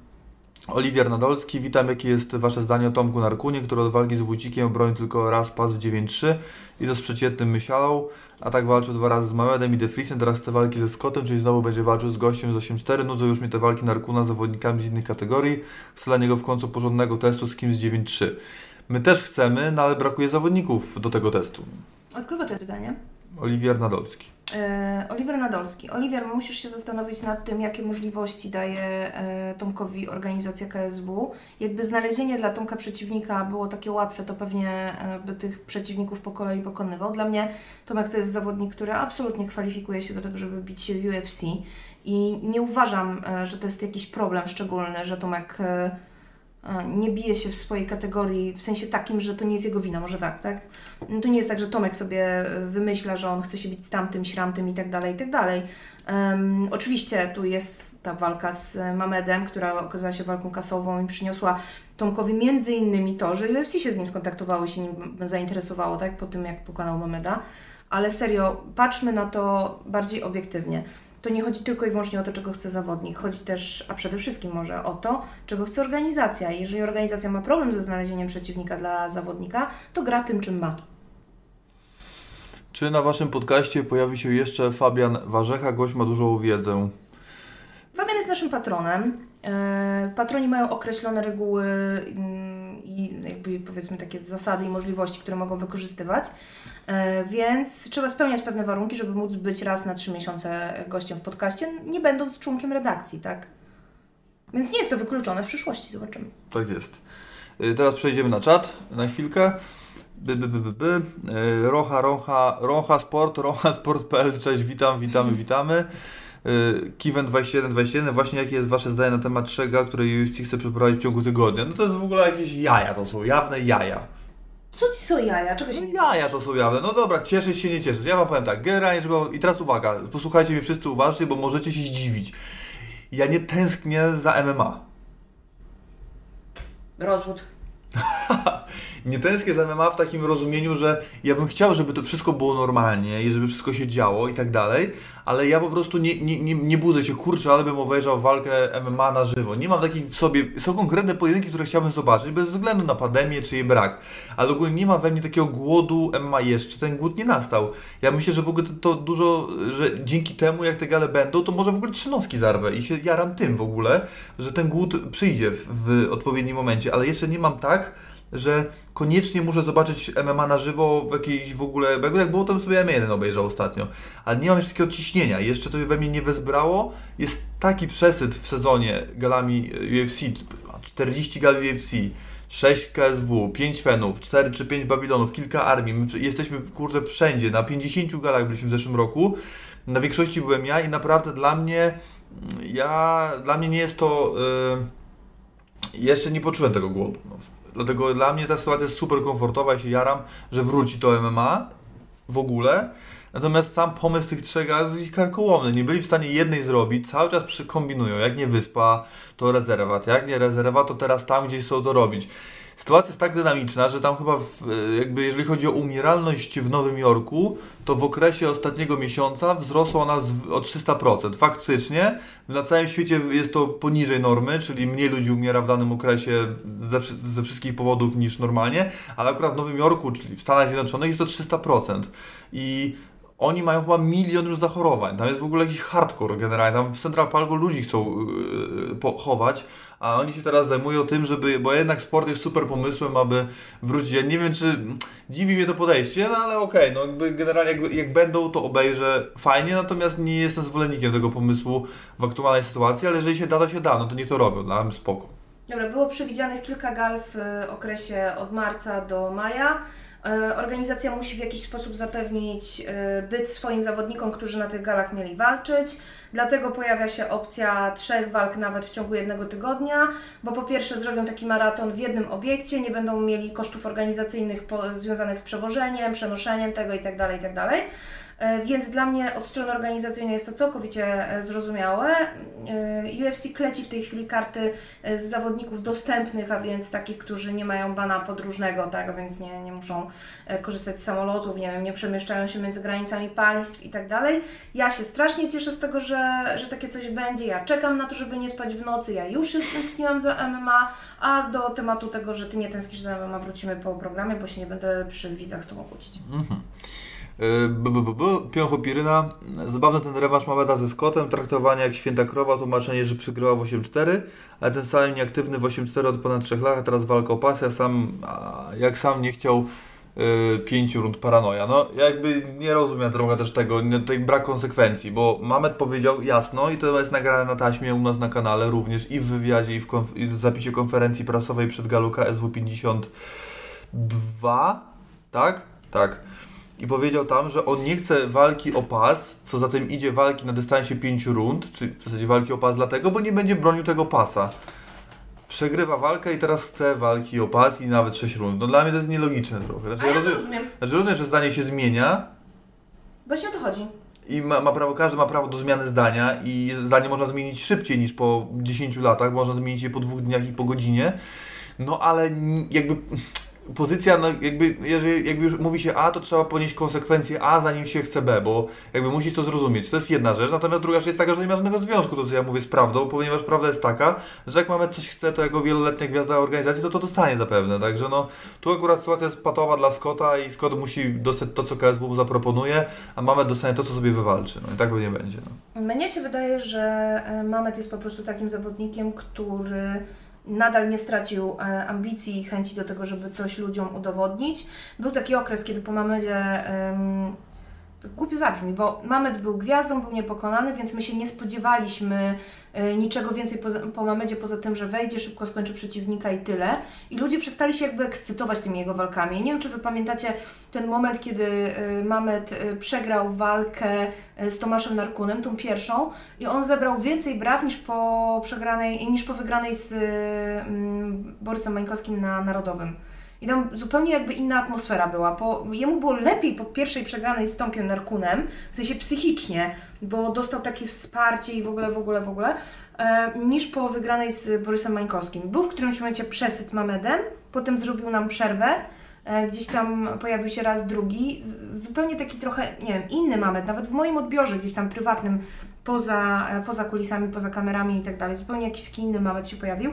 I ja jego doskonale rozumiem, e, że on chce teraz coś pokazać, że chce się odgryźć, e, odbić sobie przegraną z, z Askamem, że e, po, powiedział, że on może walczyć nawet 5 czy 6 rund.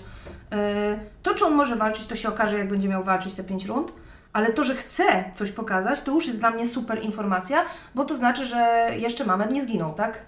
No wiesz, no musi e, zejść z jakichś swoich... e, Ale co musi? No Nic to nie jakby- musi. Właśnie o to chodzi, że on jest w takiej sytuacji, No, że on nic nie musi. Tak, tylko to za- zadecydował, że walka ze Scottem będzie w catchweightie, nie o pas. Yy, tak. Po przegranej, pozy- zdanie. no, po przegranej pozycja negocjacyjna spada. No. ale teraz stwierdził, że jest jeszcze w takim wieku, że pierdzieli, on się jeszcze może pobić o ten pas. A czemu nie? Ale no prawdą jest, że jednak jeżeli, wygrywa, jeżeli przegrał, to karty powinien rozdawać mistrz. No.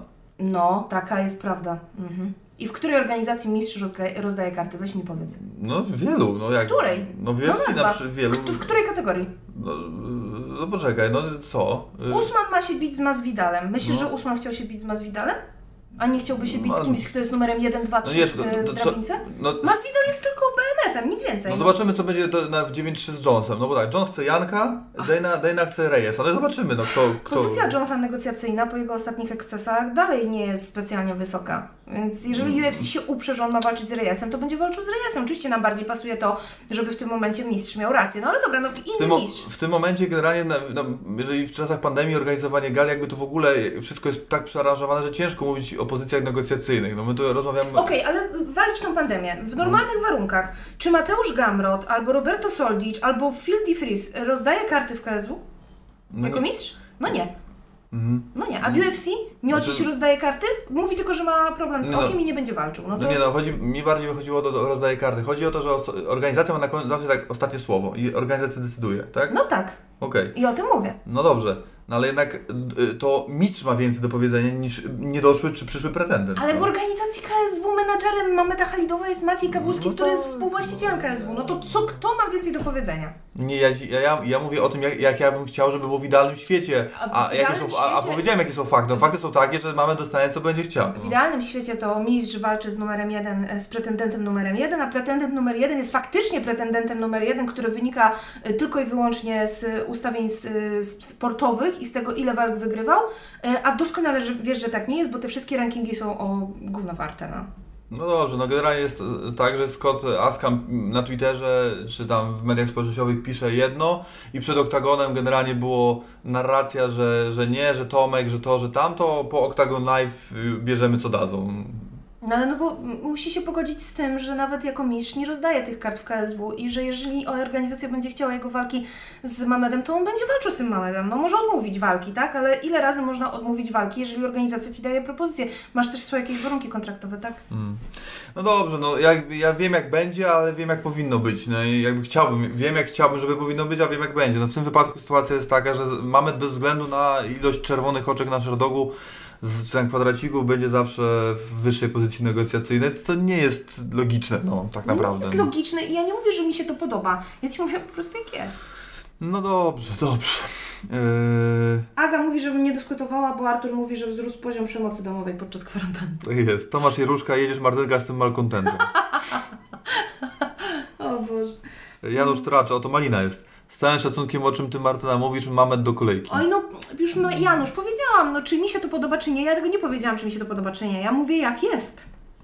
Po prostu tak jest, no trzeba się z tym pogodzić, no. Piąch Piryna, ale Mamedowi różne rzeczy się tylko wydają. Wydawało mu się, że zrewanżuje się Żyrafi, co to samo co w pierwszej walce. Teraz wydaje mi się, że weźmie rewanż na Skocie i znowu będzie powtórka.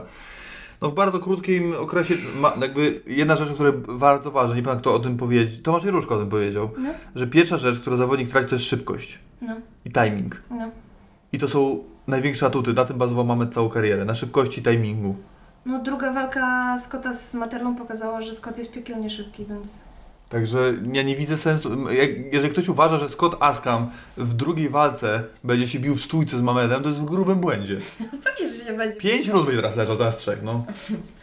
E, dobra, nie, no okej, e, jakby to, że Mamedowi się coś wydaje. Mamed jest zawodnikiem, który jest ambitny, no przecież nie przyjdzie przed kamerę i nie powie, kurde, to ja już jednak nie chcę z nikim walki takim wa- ważnym, mocnym i tak dalej, dajcie mi kogoś na przetarcie, kurwa. No na ile razy słyszeliście wypowiedź zawodnika, żeby powiedział, a dobra, to dajcie mi kogoś na przetarcie. Nie wiem, jeden raz na 10, jeden raz na 100, dwa razy na 100 może. Dajcie mi zawodnika na przetarcie. Do niczego się nie nadaje, nie walczę pięciu rund i w ogóle i nie mam zamiaru walczyć o pas. No. Mhm. No, no, no dobrze, no masz y, swoją opinię na ten temat y, i ty, i ty ja, ja, ja się zgadzam z tym, że będzie, tak będzie, że ta, do tej walki dojdzie, tak? Natomiast uważam, że to nie powinno tak wyglądać, no. Po prostu, no bo wiesz, no, trzeba jakby iść w którąś stronę, tak? Być konsekwentnym i tak mi się wydaje i rozumiem, że zmiana zdania nastąpiła, no ale nadal to jakby, no nie wiem, no dobra, to inaczej coś zapytam w takim wypadku. Jara Cię drugie zestawienie Mametaska? Mnie jara każde zestawienie z udziałem Mameda. No to taka dyplomatyczna odpowiedź, ale tak naprawdę dużo bardziej byś chętniej wolała zobaczyć Askam Narkun, no. Nie. No jak? Nie, no właśnie ja, zestawienie Askama z Tomkiem Norkunem kompletnie mnie nie jara. Mm. Ale to w idealnym świecie jakieś sta- starcia byś zrobiła? W gdzie- idealnym świecie to bym chciała, żeby każdy bił się w swojej kategorii wagowej. No czyli jakie starcie w 8-4? No już Ci powiedziałam, chciałabym, żeby mistrz walczył z pretendentem numer jeden, no. Kto jest pretendentem numer jeden? Nie ma drabinek w KSW, no to co mam Ci powiedzieć, no. No ale kto w 8-4 najlepiej powinien walczyć ze, ze, ze Scottem teraz? No Cezary Kęsik najlepiej. Eee, Cezary Kęsik. No i No, co? zwycięzca walki Kęsik Drikus najlepiej, no. O, to by było super. No albo Cezary Kęsik, zwycięzca walki Cezary Kęsik ze zwycięzcą walki Materla Kins. Dobra, okej, bo... No się zrobiłem turniej na szybko, no. Dobrze, zagłębiamy się, a to nie, nie to było celem mojego tu gadania. Dobra. W jakiej, y, Hubert Konecki, w jakiej dywizji byście widzieli następny sezon tylko jeden? No to kobiety 5-7. Kobiety, tak, tak, dziewczyny bym widziała strasznie, po prostu tak, pu, pu, pu, pu. Ale Scott yy, słynie z skończenia walk przed czasem, a co to przyszedł tylko w parter, ale wygrał tego nie ujmuje. Mamy z rywalem, bo wszystko inne to cztery pora czwarta porażka z rzędu. Nie, no nie zgadzam się. Piąchu Pirena, kurde, nie, nie, w ogóle, co to jest za jakaś mania skazywania Mameda na to, że on już jest w ogóle skończony i tak dalej. On przegrał dwie walki z gościem z wagi wyżej, bo przypominam, że Mamed w 9-3 No ważne, bił tak. się ile? 10 lat temu? No nieważne, no nie jest zawodnikiem Więc 9-3. No. Dokładnie, to jest 8-3, 8-4 i koniec. D- y, druga rzecz, y, to co przegrał y, z, z Askamem, no to przegrał z mistrzem też, tak? Więc nie, nie przegrał z gościem, który się wziął, nie wiem skąd, tak? Sroce z podogonia nie wypadł, umówmy się. Więc absolutnie nie uważam, że Mamet jest skończony. Ja bym go chciała zobaczyć w ogóle. Rozumiem, że to jest mega y, w tej chwili niemożliwe, tak? Zobaczenie, zobaczenie go z Durajewem czy, y, czy Zabusem, ale kurde, z Drikusem byście nie obejrzeli takiej walki? Z Cezarem Kęsikiem byście nie obejrzeli takiej walki? Ja bym oglądała. I nie powiedziałabym, który z nich będzie y, większym faworytem. Kurde, no. Nie, no to, to jest prawda. Tutaj akurat yy, walka Mameda z Materlą, druga jest teraz fajnie, moim zdaniem też się skleja. I to powinno być starcie, które, które powinniśmy zobaczyć tak, tak naprawdę. E, I no jest, jest kilka. I, i Drikus, Drikusem w ogóle, to jak dwóch byłych mistrzów, dla mnie super zestawienie, nie wiem. I Drikus wygrał walkę w 8-4, e, także dla mnie też zestawienie jest ok. I, i Kęsik też byłoby ok. E, Jest kilka opcji dla Mameda, natomiast no tak ze Scottem, no to wiesz, Mamed nie będzie brał udziału w walkach takich typowo rankingowych, drabinkowych, turniejowych i tak dalej. No to jest gwiazda, na której się buduje galę, nie? Także do tego się musimy, to musimy zaakceptować, no bo przyzwyczaić to już powinniśmy się dawno. E, mm, mm, mm. Szuli w ostatnim wywiadzie powiedział, że chce kogoś na przetarcie. Yy, tak, a chwilę wcześniej powiedział, że może się napierdzielać z Mateuszem Gamrotem. Że okej, że fajnie byłoby, on to w ogóle powiedział tak, że fajnie byłoby dostać teraz kogoś na przetarcie, no bo wiecie, to jest czwarta walka y, Grzesia w kontrakcie i on jak przegra tą czwartą walkę, to może wylecieć z KSW. Więc jakby rozum mówi Grzesiowi dajcie na przetarcie, a serducho mówi dawajcie mi Mateusza Gamrota. Wracamy do pytań z społeczności. Pytanie do In The Cage. Czy możecie podać po na przykład pięciu ulubionych zawodników MMA w historii? Martyny to pewno, na pewno Rudy, ha, ha, ha. Ale poproszę jeszcze o kilku. Mariusz, ja też Tim Jones. Serdecznie Was pozdrawiam i trzymam kciuki za same sukcesy. Dziękuję ślicznie. Serduszko poszło. No, jeszcze do Oliwiera. Nie. No to mów jakie. Yy, pięciu ulubionych? tak? No, Alistair Overeem, wiadomo. John Jones, Joanna Jędrzejczyk, mm, a w historii, bo to... No. Mm, No Hector Lombard był, był ulubionym, no znaczy nie, no jest, no, natomiast no, w Bellatorze był ulubiony, później już też był, ale już, już nie, nie prezentował tego stylu, e, takiego efektownego. Mm, mamy czterech. No i będzie ronda, no. Styl jednak, wiesz, to, jak, to w jaki sposób jakby osiągali te sukcesy, to, to było, no jakby Lombard chyba tam 11 chyba jest knockoutów pod rząd, większość chyba w ogóle w początkowych rundach. No to co robiła Ronda, to w ogóle było jakieś zjawisko, Asia, no to wiadomo, to w ogóle wiesz, pięć obron pasa i to w jakim stylu. Eee, Alister tak naprawdę chyba jest z lepszych zawodników kategorii wagi ciężkiej w historii w ogóle bez podziału. Tam pas Dream, pas Strikeforce, pas e, walka o pas e, UFC. E, także jeszcze być może w ogóle zawalczy o ten pas kiedyś. E, K1 World Grand Prix 2009 rok, chyba najlepszy zawodnik, także absolutnie. No i, i no, no, Fedor Mirko to chyba nie akurat tak, nie moi ulubieni. A, Anderson Silva, przepraszam. To Anderson Silva jeszcze tutaj. No. Ja chyba nie mam aż pięć, e, pięciu takich zawodników, których bym wyróżniała jakoś szczególnie, ale z polskiego podwórka to jest e, Janek Jasia. I to od zawsze, jakby od, od chwili, kiedy tylko zaczęłam się interesować MMA, to oni. E, I pamiętam strasznie ciężki okres wtedy, kiedy Janek przegrywał walkę za walką w, w UFC. To była moja taka próba miłości do zawodnika i Nie no, ja Janka więc- mega lubię, w ogóle jest y, sztos na, kotem, natomiast y, te efektowne walki teraz przychodzą dopiero, nie? Ale Tak. to widzisz, no okej, tylko pytają w historii, tak? I jak Mhm. patrzę na, z perspektywy czasu, no to, to zdecydowanie Asia i Janek z polskiego podwórka. Z zagranicznego no, dla mnie bezkonkurencyjny jest Mirko i jest Krokop, no. no jest y, Conor i tyle, nie? Także...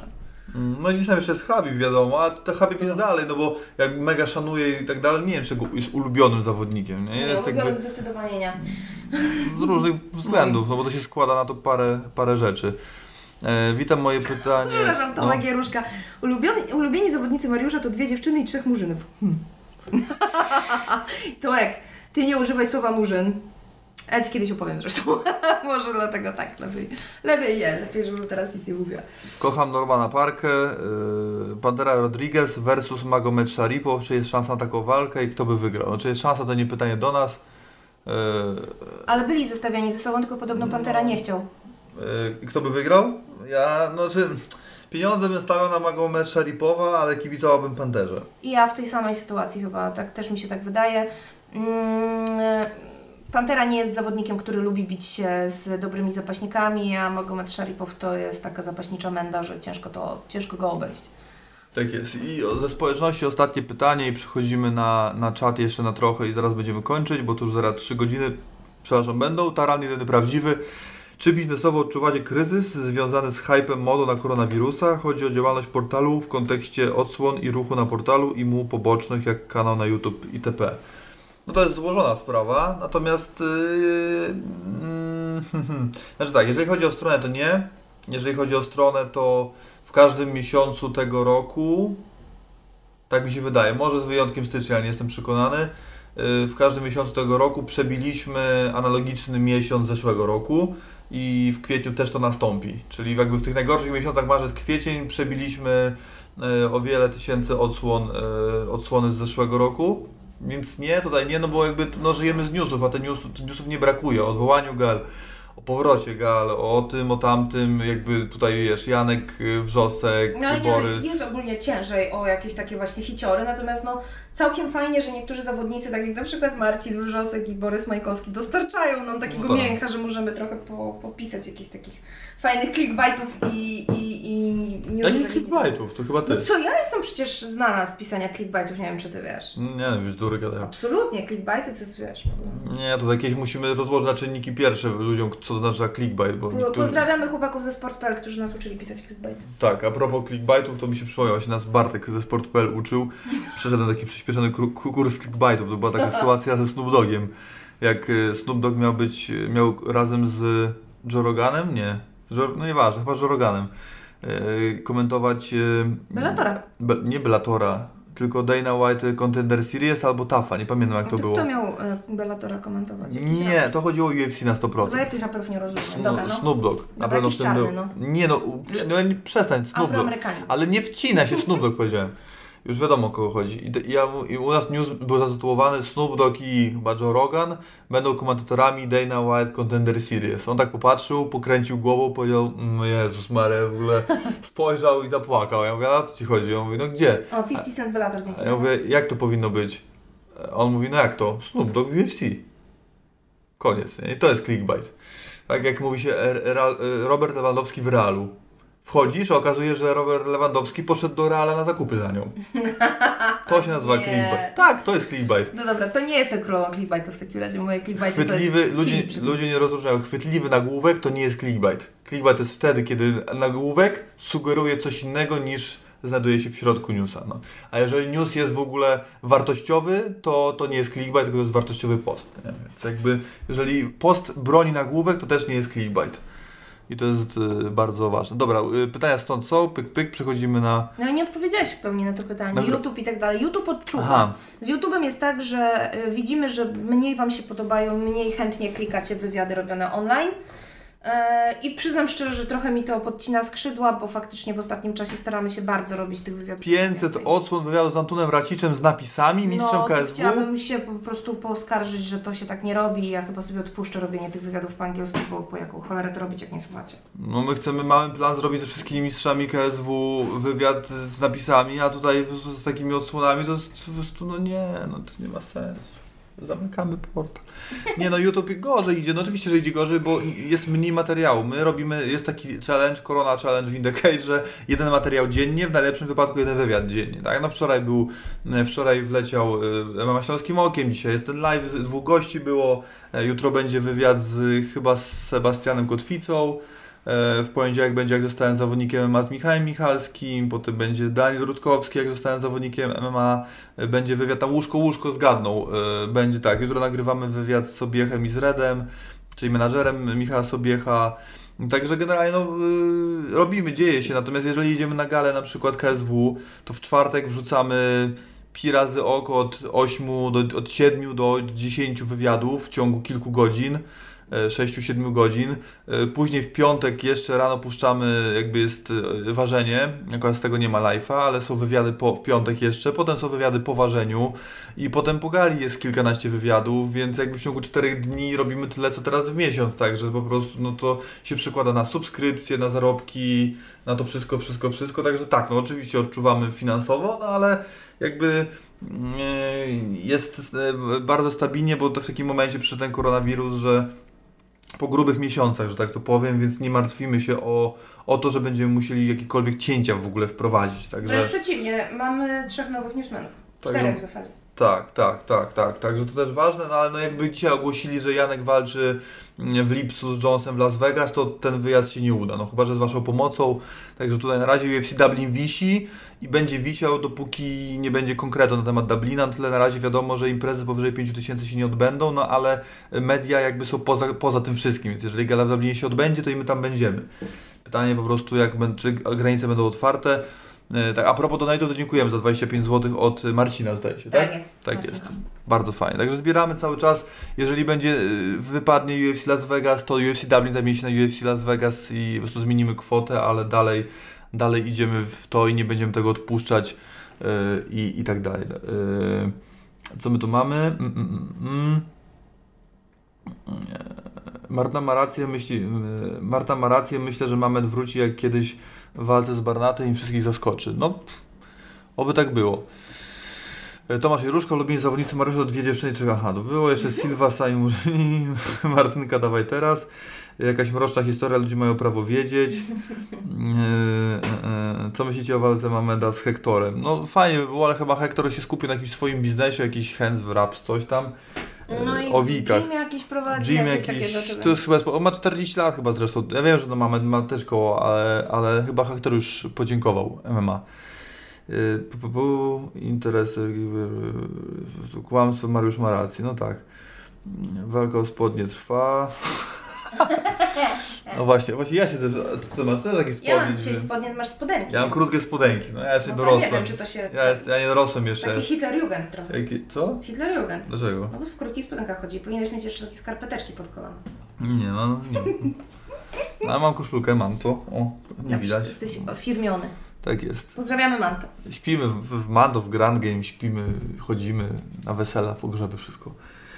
E, e, e, o właśnie, czy taki Anton jak e, widzi ile jest odsłon, kontaktuje się z Wami w jakiś sposób i marudzi, albo jakikolwiek inny zawodnik, zaciekawiło mnie to zawodnikom jest, to, zaciekawiło mnie to, zawodnikom jest smutno? No, Ciekawe pytanie. Ciekawe pytanie, bo w sumie żaden z zawodników nam nigdy nie, nie poskarżył się, że jest mało odsłon, albo raczej w drugą stronę. Większość tych zawodników y, młodych, nowych na rynku, z którymi rozmawiamy, przychodzi do nas i mówi, że fajnie, że było tysiąc odsłon albo dwa tysiące i tak dalej. I się jarają ogólnie.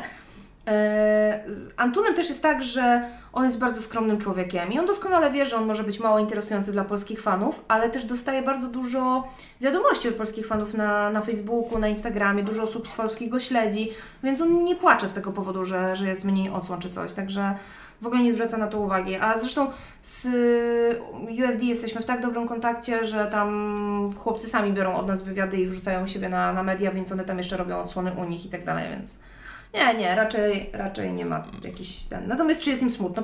Bo może im być smutno, no. Mi by było smutno, no. Tak, raz była taka sytuacja, pamiętam, wywiad z Popkiem robiliśmy na KSW 41 yy, i zszedł jego menadżer, wrzuciliśmy wywiad, nie wiem ile ten wywiad był, no 20 minut, tam było już 6000 odsłon, tak popatrzył, yy, czy żre wywiad, ja mówię, no 6000 odsłon w tam 15-20 A myśmy mieli minut. ile? 20 tysięcy subskrybentów? No, coś takiego. A e, nie, no nie był zadowolony z tej liczby po 20 minutach, także no każdy ma inną skalę, jak widać, także No tak, panu się zapomniało, że do portalu o tym. O MMA, a nie jakiś tam raperski. To, no okej. E, Maciek Babis, y, to nie jest tak, że po prostu Radzic nie ma nic ciekawego do powiedzenia, poza tym y, nie ma walki obrony żadnej, więc mało kogo obchodzi co powie. No jakby to jest kluczem do wszystkich wywiadów. Jeżeli zrobiliśmy wywiad z Marcinem Wrzoskiem, zaraz po jakby konflikcie z, nazwijmy to konflikcie z Borysem, no to 27 tysięcy od razu ma wywiad, od razu jest inna rozmowa w ogóle. Jak jest temat, to tak. Tak jest temat, jeżeli... Ale też nie do końca. Bo czasem są tacy zawodnicy, z którymi dawno po prostu nie było wywiadu, jest y, presja na to, żeby z nim wywiad Tak, zrobić. tak, I czasem tak. te wywiady żrą. Nie zawsze, ale czasem żrą. To Faktycznie. prawda, to prawda. No dlatego staramy się też w tą stronę iść. Natomiast jak jest, dlatego też na- ja na tym przykład, ja osobiście na tym tylko jeden się skupiłem, bo, bo to jest coś ciekawego, cały czas coś nowego, więc też powstały właśnie i, i, i takie wywiady, też powstaje dużo luźniejszych, dłuższych, ale z takich wywiadów możecie się naprawdę dużo, dużo dowiedzieć. Jak macie więcej czasu, to ja polecam takie wywiady, które tam mają po 30-40 minut. No warto posłuchać, co Anton mówi na przykład o Saladinie, bo no, mówi dużo. Mhm. Mówi dużo. Naprawdę, warto, bo y, jeżeli szukacie jakichś smaczków, a nie sztampowych odpowiedzi, to tylko z takich wywiadów, takich właśnie na luzie, czy u Mateusza Rębeckiego, czy u Justyny Chaby, y, czy u Karoliny Owczarz, czy u Szymona Duszy, czy u Dominika Zadory polecam też, y, też ten wywiad, także naprawdę tego jest, jest naprawdę sporo i, i to są takie, że to są takie bardziej podcasty już niż wywiady, można by powiedzieć, więc y, u Filipa Wątkowskiego to jest samo mięso, a tam jest kurde 600 odsłon, to jest przecież organizator, który odwołał 3 dni gale przed pandemią. No ale ogólnie rozumiemy, jakby w którą stronę idzie yy, i chce, czego wy oczekujecie, ale, ale postaramy się to w, mm, też no nie zmienić, tylko do, dodać kolorytu trochę niedługo do, do tego naszego YouTube'a. Stąd też yy, wersja live, mam nadzieję, że też, też się przyjmie, też Wam się podoba. Eee, Przeciek każdy wie, że Sebek Przybysz to medialny mistrz swojej wagi. No tak, Sebek Przybysz jest e, medialną bestią i potrafi i, i ma ku temu papiery, aczkolwiek uważam, że jeżeli chodzi o kategorię koguciów KSW, to bardzo duży potencjał medialny, marketingowy leży w Pawle Polityło. No to prawda. On jakoś tak się nie, nie czai, Paweł. No, jak ma do powiedzenia to mówi też nie przebiera w słowach, ale też nie tłumaczy się nigdy, nie szuka wymówek, e, mówi jak jest i jest taki konkretnym gościem. nie? Jakby tutaj, to, tutaj to, tu zwróciłbym uwagę. E, Nie chodzi o Racia, tylko ogólnie o tych zawodników, bo prawda jest taka, że Janusze nie oglądają wywiadów, a kibiców nie interesuje Raci z Chorwacji, skoro polskich zawodników ogląda czasami 1000. No to też jest prawda. No. Ale słuchaj, no, to, jest, to jest też ciekawe, że mnóstwo ludzi w internecie narzeka na freak fighty, na freak fighterów, na takie zestawienia w sportowych organizacjach, a to ich wszyscy oglądają najwięcej, nie? Jakby, a tych sportowych, stricte sportowych e, niewiele osób. I to, to mnie zastanawia. Jest jakaś taka paleta zawodników, którzy zawsze bardziej interesują ludzi, no ale mm, nie zawsze się pokrywa z ich sportowym poziomem. I to, to tego też nie do końca rozumiem. Yy, Kiven 2727 z mojej strony zawsze możecie się spodziewać ciekawych pytań do wywiadów i kiedy już yy, kolejny z UFD. No właśnie miał być w tym tygodniu, ale coś nam się nie złożyło. Mm, ale myślę, że uda się nam to dopiąć w ciągu najbliższych trzech dni. E, Natomiast mówię, cały czas zastanawiam się nad sensownością poświęcania swojego czasu na robienie wywiadów e, anglojęzycznych i na wydzieranie Pauli czasu jej e, prywatnego na to, żeby robiła do tego napisy, bo Paula jakby ostatnio przejęła pałeczkę w, ty, w tej kwestii i sobie, sobie z tym super radzi. Więc nie wiem, nie wiem, jakby lekkutko straciłam motywację, tak? Więc nie wiem co No wywiad ze Scottem Askamem, no jedno z najgorętszych nazwisk teraz, on z 10 tysięcy nie wyszedł, O to się który jest, jest mistrzem, nie? Jakby jest mistrzem, O a... to się wściekłam, bo mm, Askam w ogóle mówi tam e, kilka rzeczy, które potem gdzieś tam powtórzył w innych mediach i nagle to się stało newsem, gdzie u nas padło to trzy tygodnie temu, tak? I strasznie mnie to irytuje, że, że po prostu takie, takie rzeczy są po prostu gdzieś tam pomijane, bo, bo ludzie na przykład tego nie, nie, nie oglądają, bo nie wiem czemu, bo co, bo Scott Askam ich nie interesuje. Dopóki nie jeździ po kimś z Polski, jak po Mamedzie czy po Tomku.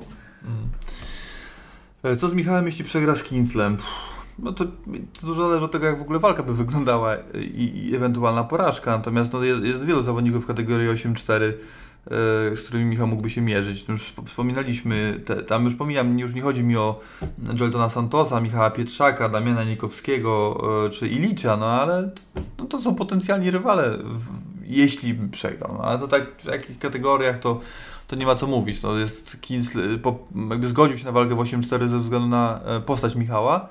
No to nie jest zawodnik kategorii 8-4. Myślę, że miałby sporo problemów. Wydaje mi się, e, że nic. Odpowiedź na Twoje pytanie brzmi nic. Co dalej z Michałem? Nic. Po prostu to jest, Michał jest sercem organizacji KSW i ją nic nie grozi. Po prostu. Będzie dostawał innych zawodników, albo na odbudowanie, albo takich, których sobie zażyczy. Czy jest szansa, Magda Maria pyta, czy jest szansa na wyjazd z Michałem Materlą czy Michałem Kitą? No szansa jest. No generalnie nasza lista do osób, do których się odzywamy jest długa. Nie wszyscy nam też odpowiadają na nasze y, wiadomości czy informacje. Może też nie w dobre kanały uderzamy, no ale, ale ogólnie wiadomo, że jest taka szansa. Mamy jakąś taką listę, mamy jakiś zamysł też na to i, i staramy kierować się nazwiskami, które będą, są blisko no jakby wyzwań sportowych, no jakby jakiejś przyszłości bliżej określonej, no bo generalnie e, zrobienie trzy- 30 wywiadów i kolejnych 30 e, o tym, co na Netflixie i jak sobie radzić z nudą na kwarantannie, to chyba nie jest to, co wszystkich interesuje najbardziej już teraz. E, Także będziemy starali się na pewno uderzyć w zawodników ogłoszonych na najbliższe trzy gale, czyli tutaj tak, Szymon Bajor, Rafał Kijańczuk, Z Kijaną już się będziemy łapać, już jesteśmy na ten posłowie. Także w tą stronę będziemy na pewno uderzać yy, najchętniej. Stąd też Artur Gwóźdź, matchmaker Babilonu, Paweł Jóźwiak. yy, Także, także w, tą, w tą stronę i stąd też niedługo tylko jeden, zawodnicy tylko jeden. No też Marcin Krakowiak był przecież. Także jak najbardziej. No też chcemy bardzo, żeby ten jeden wywiad dziennie był, także nawet jeżeli ktoś nie jest jakby na, na topie aktualnie, to i tak chcemy Wam ten wywiad dać. Myślę, że one wszystkie są ciekawe i myślę, że one będą, że, że z nich można naprawdę dużo ciekawego wyciągnąć. To też choćby wywiad z, właśnie Filipem Bątkowskim czy Szulim mm, e, są bardzo interesujące. E, Patryk Green, no mnie to dziwi, to robicie roboty, nawet tłumaczycie szkoda zachodu chyba jednak. No słuchajcie, przetrenowaliśmy trochę na UFC, no pojechaliśmy na UFC i ma, jakby, no nie wiem, czy jakby, jak wiele was nas ogląda od kiedy, ale no u nas są wywiady z, zawo- z Alisterem Overeemem, jest wywiad tłumaczony, jest wywiad z Aleksiejem Olejnikiem, z Paulem Felderem, z Sonem Barbozą, z Antonym Smithem, który już kojarzy Jacka w ogóle.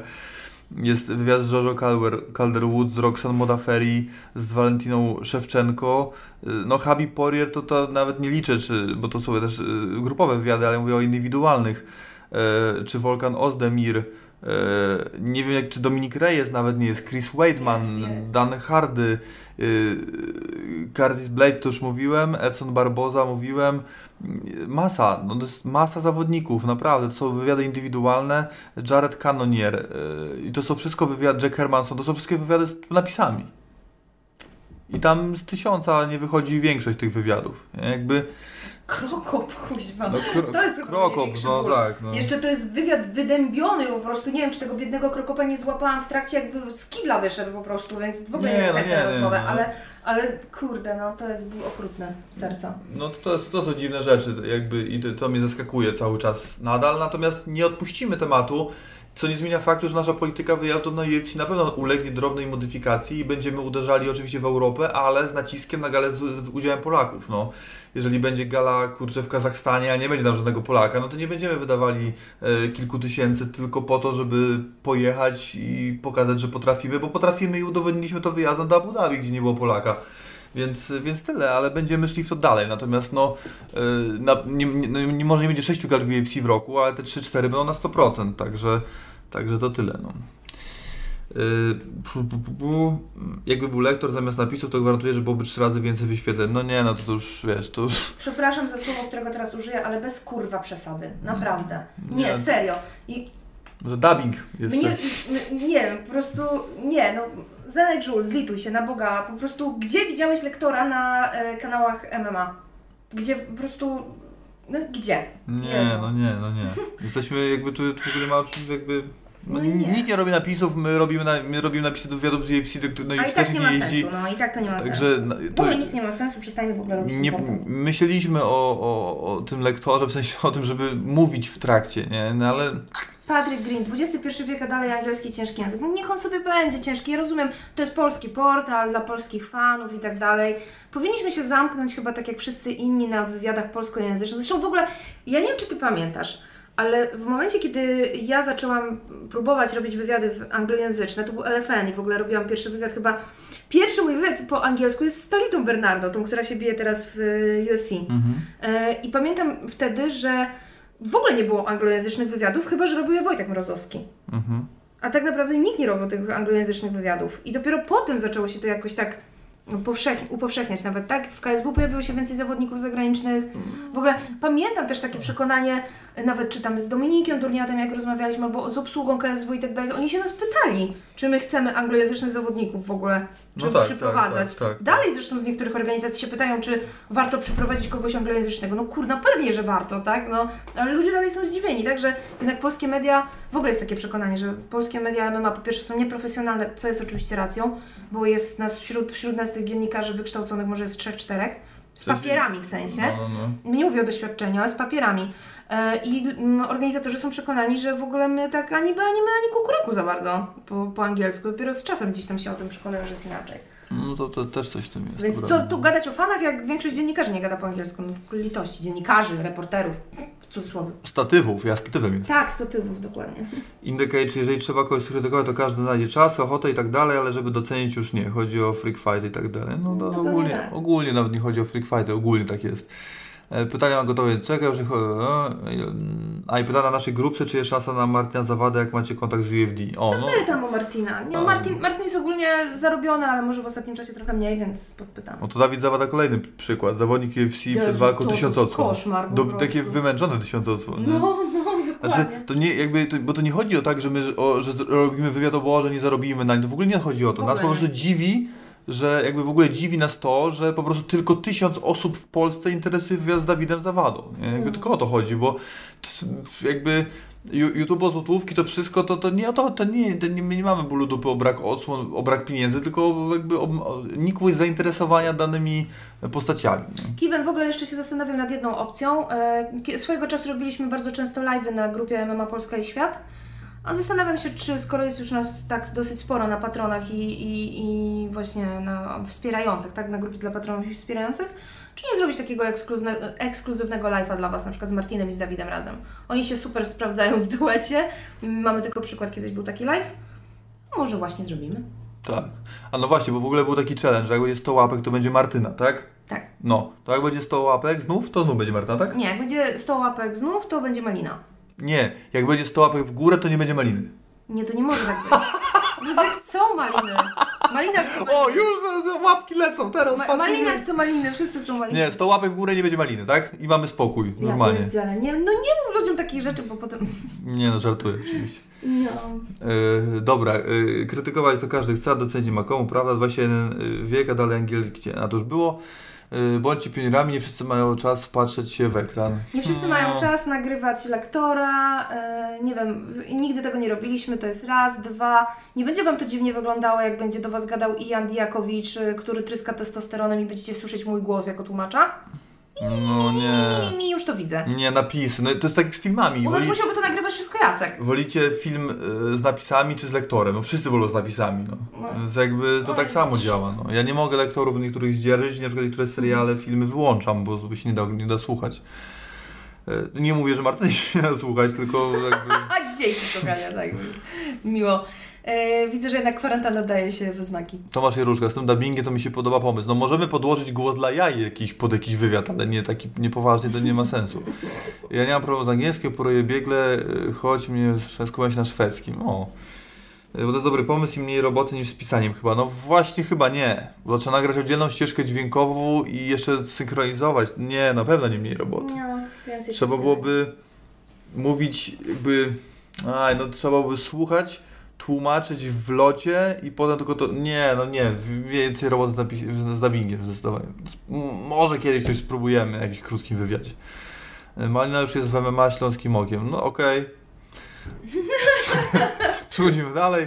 Ło, bomba dla mnie taki live, y, bo do Brajzewada mam już dużo przygotowanych pytań. O, no i super. Dawać, dawać łapy. Ha.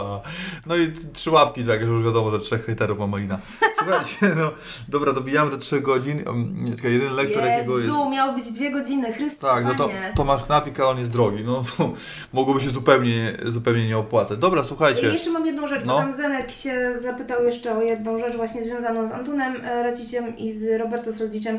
E, Czy jak robią wywiady portale z ich krajów, to mają więcej wyświetleń? E, Mają więcej wyświetleń i jeden i drugi, bo sprawdzałam już kiedyś. E, Zwłaszcza jak byliśmy w Chorwacji na KSW, to patrzyłam na odsłony też na chorwackich portalach.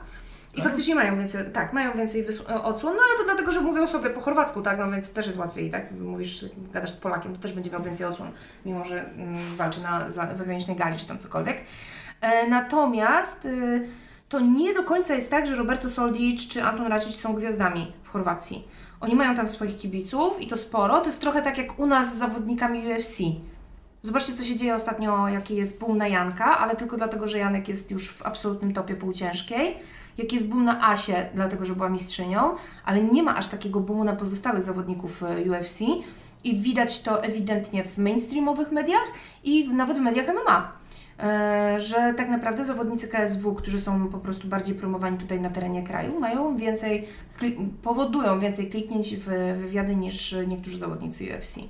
Więc to jest to samo, na tej samej zasadzie działa to w Chorwacji z chłopakami stamtąd. Tak, ale no tutaj mówiliśmy o tym wielokrotnie. Będziemy szturmowali yy, z pewnością jako pierwsi czeski rynek, e, czyli galę Octagon MMA i tam na pewno się wybierzemy, jak tylko będzie taka możliwość. No tutaj Artur Gwóźdź mówił o otwarciu granic w jedną stronę na razie, a to już jest dobrze. Więc yy, pojawimy się na tej gali, zobaczymy, bo powiem Wam szczerze, że generalnie praca yy, czeskiego portalu yy, w tej chwili w Czechach oczywiście, no to to jest miód malina. No tam mm, Wojto Barborik i jeszcze jeden zawodnik, nie pamiętam jak się nazywa, był w podcaście Oktagonu tego, nie Inkubator, tylko inny, Oktagon MMA ma swój kanał. Możliwe. No. 60 tysięcy odsłon. I to szybko. Mo- naprawdę. I to tam walka, dzień po walka Vega z Wemolo miała milion sto tysięcy. Po dzień 24 godziny po gali. Bo jakieś chore liczby tam są w Czechach. S- zobaczymy, czy po angielsku te wywiady będą miały taki rezon tam, no bo uderzamy w tamtą, jakby w, w tamten rynek, nie w nasz, no bo u nas raczej nikt tego nie będzie się tym aż tak interesował. No albo zobaczymy, czy przypadkiem tam nie ma wywiadów grupowych i po prostu najzwyczajniej w świecie będziemy rzucali wywiady po czesku i słowacku. No, też jest taki pomysł. E, coś jeszcze chciałam powiedzieć a propos właśnie tych. Aha, a propos oktagonu. E, czy Lucia, e, Lu- Luśka Pudilowa wyleciała z UFC? No, no to wychodzi. No bo będzie brała udział w tym e, turnieju dla kobiet, nie? W Tak, oktagonie. cztery luźki tam są. Nie opierdziele. O, to bardzo dziwne. No, też zwróci na to uwagę. Mhm. No, ale będzie też Sormowa walczyć, którą znamy z Elefenu, więc fajnie. No, tam jest w ogóle no, Czeszki i Słowaczki, 4 na 4 będzie, tak? Mhm. 61 kilo. E, Aga, Aga, Jezu, ale by wszyscy strali, gdyby słowo w słowo nie zgadzał się dubbing z ruchem ust. No pewnie, że tak, byłoby... Dokładnie. On nie, powie, on nie powiedział e, to, powiedział tamto, No. no, nie no chęć. Jeszcze synchronizacja, jakby nie było to już koniec. Nie, to w ogóle masz rację. Nie, nie, nie, nie zaryzykujemy, słuchajcie, nie, nie ma mowy o lektorze. No, Aga w no punkt. fucking way. Aga w punkt. Idealny jest e, nap- napisy i, i, i są idealne, bo i słyszysz, co mówi dana osoba, dana postać, i słyszysz, i czytasz napisy, i, i jest idealnie, także to już nic Poza tym ponad to. są tacy zawodnicy, których się po prostu dobrze słucha. I ja bym nie odżałowała sobie wyciszania takich zawodników, naprawdę. Tak. E, Ma pan, czy jest pewien kanał MMA, który ma lektora, to ja nie znam. E, To musiało być jak w filmie zrobione, że głos rozmówcy ściszony, wjeżdża lektor, ale nie ten sam, e, kto Punch przeprowadza wywiad. u niego jest tak. A, to ja nie wiem. No, no Zenek, no, no tak, to jest dużo roboty, wiesz, to możemy pomyśleć o czymś takim, a to przynajmniej grubym, mocnym wywiadzie, naprawdę, ale raczej będziemy szli w Jak napis. zrobimy Konora, to pomyślimy. No tak. E, A pan właśnie tutaj pomyślałem, aha, no to No, widzisz, no to, widzisz. to, to ja to ja nie, nie miałem takiej świadomości po prostu. E, Wcześniej wspierał swój rynek, nie to co w Polsce. No a tam niewiarygodne liczby są w ogóle chore, nie? Jakby znaczy podejrzewam, że walka, wiesz, tam e, Mamet e, Askam jakby wleciała dzień po na YouTube w pełni, no to też była tam milion osób, też jest to możliwe, także nie, nie, nie mówię, że nie. Ale jest to po prostu w dziwny sposób, jakieś chore liczby są tam kręcone naprawdę no-name'owych zawodnikach, bo to Wemola, Wek to okej, ale tam są to po prostu hardcore. Dobra, mamy 3 godziny już live. Mam nadzieję, godzinę z, prawie godzinę z Pawłem, godzinę z Arturem i godzinę z nami, także mam, pewnie już macie nas dosyć. E, Ja mam. Dziękujemy za wsparcie. 25 zł dorzucamy do skarbonki, super. E, Będzie odcinek dostępny oczywiście na Spotify. Jak e, chcecie Martynę, Malinę, e, to nie, no tam już nie będziemy robili ja, ja, ja z łapkami. No łapki w górę, jak Wam się po prostu podobało. No, ponad 900 osób przez te 3 godziny nas odsłuchało, także 43 łapki, jak się podobało. Mamy wystarczy. strasznie małą skuteczność. 925 osób słuchało, 43 łapki to aż Tak, tak. Łapki, Znaczy, łapki, łapki ważne, bo to tam potem gdzieś jakiś algorytm YouTube'a to przekli- prze, Tak prze, przemiela i to jest potem fajnie, tam gdzieś lepiej. Jest potrzebne. Potrzebne łapki fajne, komentarze, wszystko fajne. Tak jest. Słuchajcie, no to co, jeszcze raz. E, dziękuję Wam bardzo za udział, dziękujemy za subskrypcję, dziękujemy za łapki, za komentarze, za pytania na społeczności YouTube. Zapraszamy na nasz Patronite, zapraszamy do wspierania nas na YouTube. E, od 10 zł już tajna grupa stoi przed Wami otworem, a tam wjeżdżają przedpremierowe materiały, także serdecznie zapraszamy, kusimy, polecamy. Cieszymy się, że MMA wraca, FEN, KSW, Babylon, zobaczymy jak te karty walk będą wyglądały i czy będzie grubo, mocno e, i tak dalej, i tak dalej, i tak dalej. E, Prowadzącym ten MMA Tonight 2 213 e, 213 odcinek MMA Tonight Live e, Q&A 12 z gościem Arturem Gwoździem i Pawłem Jówiakiem byłem ja prowadzącym, a pomagała mi w tym Martyna Celuch. Tak jest. Właśnie nie wiem nigdy, co mam powiedzieć, jak masz Martyna celu, co ja wtedy powinnam powiedzieć. No dziękuję, że to była dla mnie przyjemność e, brać udział w podcaście, który Ty prowadziłeś. Nie będę mogła spać e, przez całą noc z tego powodu i nie mogę się doczekać, aż zaprosisz mnie kolejny raz. Nie, to, to chyba nie. Co To nie? ja, no nie, no ja dziękuję, po prostu dziękuję. No, mm. Także widzicie, tak to jest. Także co, jeszcze raz serdecznie dziękujemy, pozdrawiamy, trzymajcie się do następnego i piona.